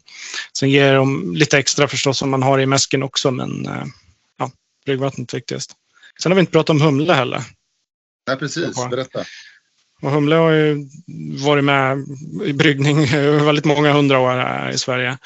Och på Gotland har man ju traditionellt, på gårdarna har man ju haft humlestörar och sånt för bryggning eh, förstås. Och nu för tiden köper de flesta bara någon... Här på Gotland finns det i matvarubutikerna ibland humle, står det bara. Något sånt. Ja, Eh, kan vara något eh, vanliga pellets av ädelhumle eller något sånt. Eh, det brukar folk höfta mest. Men det ska vara ganska låg beska. Eh, det ska finnas där eh, så att det inte blir allt för sliskigt. Men eh, den är inte framträdande ändå. Sen Men- ser man ju folk som torrhumlar och allt möjligt. Men det, ja. Men enriset ger också lite beska kärvhet för en balans, eller, eller? Så, Absolut, det, det är nog en viktig del i det. Har rätt i. Eh, Det tanninerna från det liksom, och den smaken eh, från barren. Det, det är viktigt. Just det. Jag tänker, man, man har, eller jag i alla fall hade en bild, eh, fördom förmodligen, att det främst var äldre personer som gjorde Gotlandsdrick på, på Gotland. Då. Stämmer det eller är det en fördom? Ja, alltså det är klart. Eh, ja, men det var ju någon sorts revival med dricka här på eh, 60-70-talet när folk fick lite bättre ställt och man började vurma mer för liksom, eh, traditioner och hembygdsföreningar och sånt där. Eh, och då är det klart, då tog man kunskapen från de äldre och sådär. Och det har, och på gårdar har det ju levt kvar också. Eh, och så. Då är det ofta de äldre som har hållit i det liksom, och förhoppningsvis fört det vidare till yngre. Eh, nej men eh, visst är det äldre som brygger men eh, en del som för det vidare också. Eh, så det finns yngre som brygger och sen kommer det in en ständig infusion av folk som kommer som mig som hembryggare eller liknande upptäcker det efteråt och kanske använder lite nyare metoder. Eh, när de brygger. Eh, Så ja, men det är hyfsat blandat ändå tycker jag. Det, vad, vad tänker du, vad skulle behövas för att Gotlandsdricka skulle bli lite mer populärt på bredare lager eller, eller i alla fall bryggas mer på fastlandet? Så här, vad, vad som skulle kunna skapa en större nationell revival tror du? Vad skulle det? Ja, jag vet inte, kanske ska man, man behöver inte kalla det Gotlandsdricka heller om man tänker så. Det är något som eh, vi brukar i hela landet eh, liknande. Så att, man kan absolut kalla den en svensk gårdsöl om man tycker att det skulle göra folk lite mer nyfikna och inte tycker att det är alltför obskyrt. Sen är förstås rökigheten ett eh, problem för många. Det vet jag med Rauchbier och sånt. Det är inte alla som uppskattar det. Eh, och ja, man gjorde ju malt för både mer och mindre rök i hur man styrde röken. Mm. Man hade liksom indirekt värmning från eh, spisen och sånt. Så att det fanns orökiga varianter. Man kan ta de andra attributen som ena och sånt där intressanta smaker. Eh, jag tror bara att bryggerier börjar leka lite med stilen och hitta vad, vad som funkar. Och eh, man hittar en liten nationell identitet i det istället så kanske eh, folk får upp ögonen lite mer för att vi faktiskt har en häftig, fortfarande levande bryggtradition här i Sverige. Ja men precis, och att man tolkar det lite på sitt sätt. Och ja. ja. Inte ja, så rädd för den, inte så vördnads liksom så här, åh vi måste göra så här, vi kan, vi är rädda att göra fel. Liksom. Utan herregud, det tillhör all, alla i Sverige. Ta, ta lek med den. Ja, men precis. För det, jag, jag, när jag pratar med lite bryggare så känns det lite som att det finns en liten så här rädsla för ja, nästan lite kulturell appropriering. Att man så här, mm. ja, men vi, vi är inte från Gotland, det där kan inte vi göra. Men det är som du säger, man behöver inte kalla det så, utan man kan ju göra något av det och ändå hänvisa till traditionen på något vis. Mm. Eller hur? Ja, visst. Allas vår tradition, det bara på Gotland har förvaltats. Liksom. Ja. Men jag tänkte utöver, ni gör ju det uppenbarligen då, Visby ölverk. Vilka andra kommersiella bryggerier på Gotland gör det regelbundet eller har gjort det sådär? Har du koll på ja. det? Som, jag tror de flesta bryggerier på Gotland har gjort det någon gång.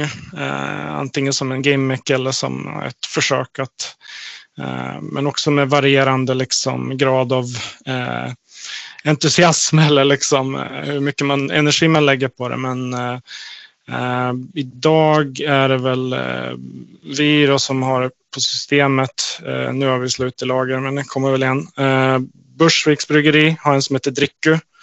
Eh, påminner lite mer om en eh, engelsk ale då, men eh, har enen och röken eh, också. Eh, den är poppis. Eh, sen vet jag Snausar vi brukar göra, ha på sin pub.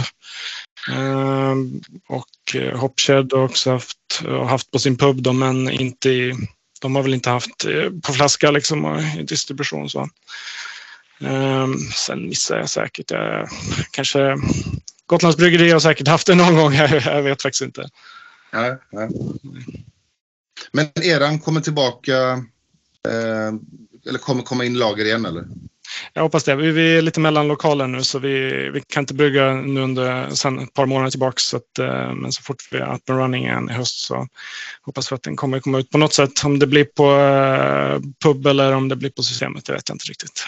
Skulle du eh, vilja ge någon form av hembryggarrecept då får vi väl eh, tänka, om vi tänker bryggvatten först då, det är ju i gårdsbryggning här så då tycker jag inte man ska bry sig så mycket om eh, vattnet. Vill man, eh, man tar vad man har helt enkelt. Eh, och sen eh, rökmalt då. Där får man ju känna lite beroende på vad man har för eh, styrka på den. Men eh, från 50 procent och neråt skulle jag vilja säga. Så fyll på resten med en malt som ger lite härlig maltighet. Så Münchner eller wienermalt. Och vill man kan man ju lägga in någon procent karamellmalt för lite extra sötma och sådär. Eh, och sen, eh, ja, beroende på om du vill ha en flaskstabil, då, då kanske du vill mäska lite, ganska högt och få få den här sötman ändå. Eh, kanske gå uppåt, mäska på 70 grader eller något sånt. Eh, Annars eh, kan man ju helt enkelt eh, fylla på, mata den med socker efterhand och ha den eh, levande. Så att säga. Så får den sötma styrkan i den. Ja, men som sagt, koka med, gör ett enelag som bryggvatten. Låt det dra några timmar vid 80 grader eller koka upp den en kvart, 20 minuter. Och det klassiska receptet där är en, en kasse en, en busk eh, till en, eh, till en 20 liters batch ungefär. Ehm, och eh, vad har vi mer? Kok, mäsk. Ja, på Gotland, De flesta kokar drycken här. Vissa gör råöl också, att man bara tappar av efter mäsken helt enkelt. Och det, det lärde tvista kanske om hur det var förr här. Vissa påstår att det är en nymodighet där att man börjar koka ölen för att det är smidigare. Och att det var mer vanligt att man gjorde råöl förut. Så att där tycker jag experimentera eh, om man vill koka eller inte. Sen eh, jäst med bakjäst eller kvajk eller en annan fruktig, kanske brittisk jäst. Um, och eh, ja, styrkan kan också variera men um, uppåt um, 7, 8, 9 procent uh, kan vara lämpligt. Ja. Eller testa göra en, en bordsvariant av det och lägga den på 2-3 procent istället och ha som uh, måltidsdryck. Just det. Om man gör en lite starkare varianten, vad tänker du BU? Vad, vad ska man sikta på? Lågt BU sa du, men vad, vad, innebär det för dig? 10, 15 eller vad? Ja, men där i krokarna, kanske 15. Ja. Eh, sen är ju moderna smaklökarna var kanske vanligare med lite högre beska men eh, ska väl inte upp allt för mycket. Så att, just det. Men en sak, bruk, tycker du man ska använda enkvistar även i, när man, i lakningen? Eller så säga? ja, kan man så, absolut. Om ni inte ställer till det för ens process så ju, kan man ju lägga ett lager i botten och ha det som en extra lakfilter. Eh, och humle, ädelhumle egentligen eh, bara i, i kok. Eh, från början som bittergiva. Och där kan man ju, jag tycker visserligen det kan vara gott att ha lite sena givor också om man har någon frisk ädelhumle för att bara friska upp det där om det är sött och så. Eh, blir lite mer drickbart utan att, eh, utan att det blir liksom humligt men att man får lite mer örtiga toner. Jag tycker det passar bra. Just det. Och eh, använder man bakjäst, eh, ganska svalt för att den inte ska bli alltför eh, syrlig och eh, fenolisk. Eh, så lite källartemp, kanske ställa den på 15 grader, eh, 10-15 grader, eh, ett par veckor. Kan bananjäst ge mycket, eller jag skulle säga. kan, kan bakjäst ge mycket så här bananton? Det är liksom, Ja, det- Jag använt det en gång när jag skulle göra något öl, det var många år sedan, till, till en så här, eh, ja, fest för att ha något gammalt svenskt öl och då hade jag och jag tyckte att den blev otroligt så bananig men det kan jag Ja. göra med temperatur. Ja, men det, den finns ju med där lite fenoler och de där hefeestrarna, absolut. Eh, Så det kan man ju ta ner tempen för att få tygla det lite grann. Absolut. Eller använda kveik som är mindre bananig men mer åt eh, andra fruktiga hållet. Mer tropiskt, det funkar också. Och då kan man ju med fördel, tycker jag, jäsa det ganska varmt. Eh, Få en härlig eh, friskhet på så istället. Just det. Ja men underbart, tack för tipset där. Mm. Nu får vi hoppas att folk börjar brygga mer Gotlandsdricka. Det tycker jag. Stort tack för att du tog dig tid. Vi önskar dig en bra, fortsatt bra sommar helt enkelt. Mm, kul att vara med.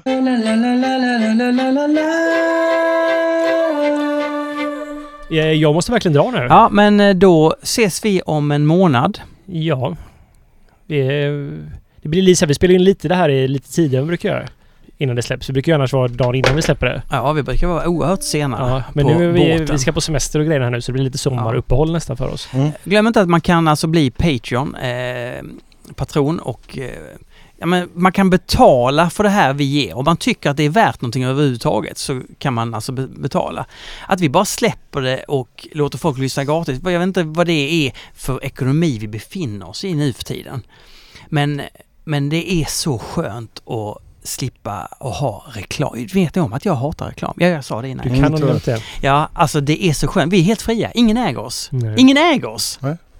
Vi äger bara oss själva. Men man ska gå med i Svenska Ölfrämjandet. Ses vi om en månad. Det gör vi. Hej.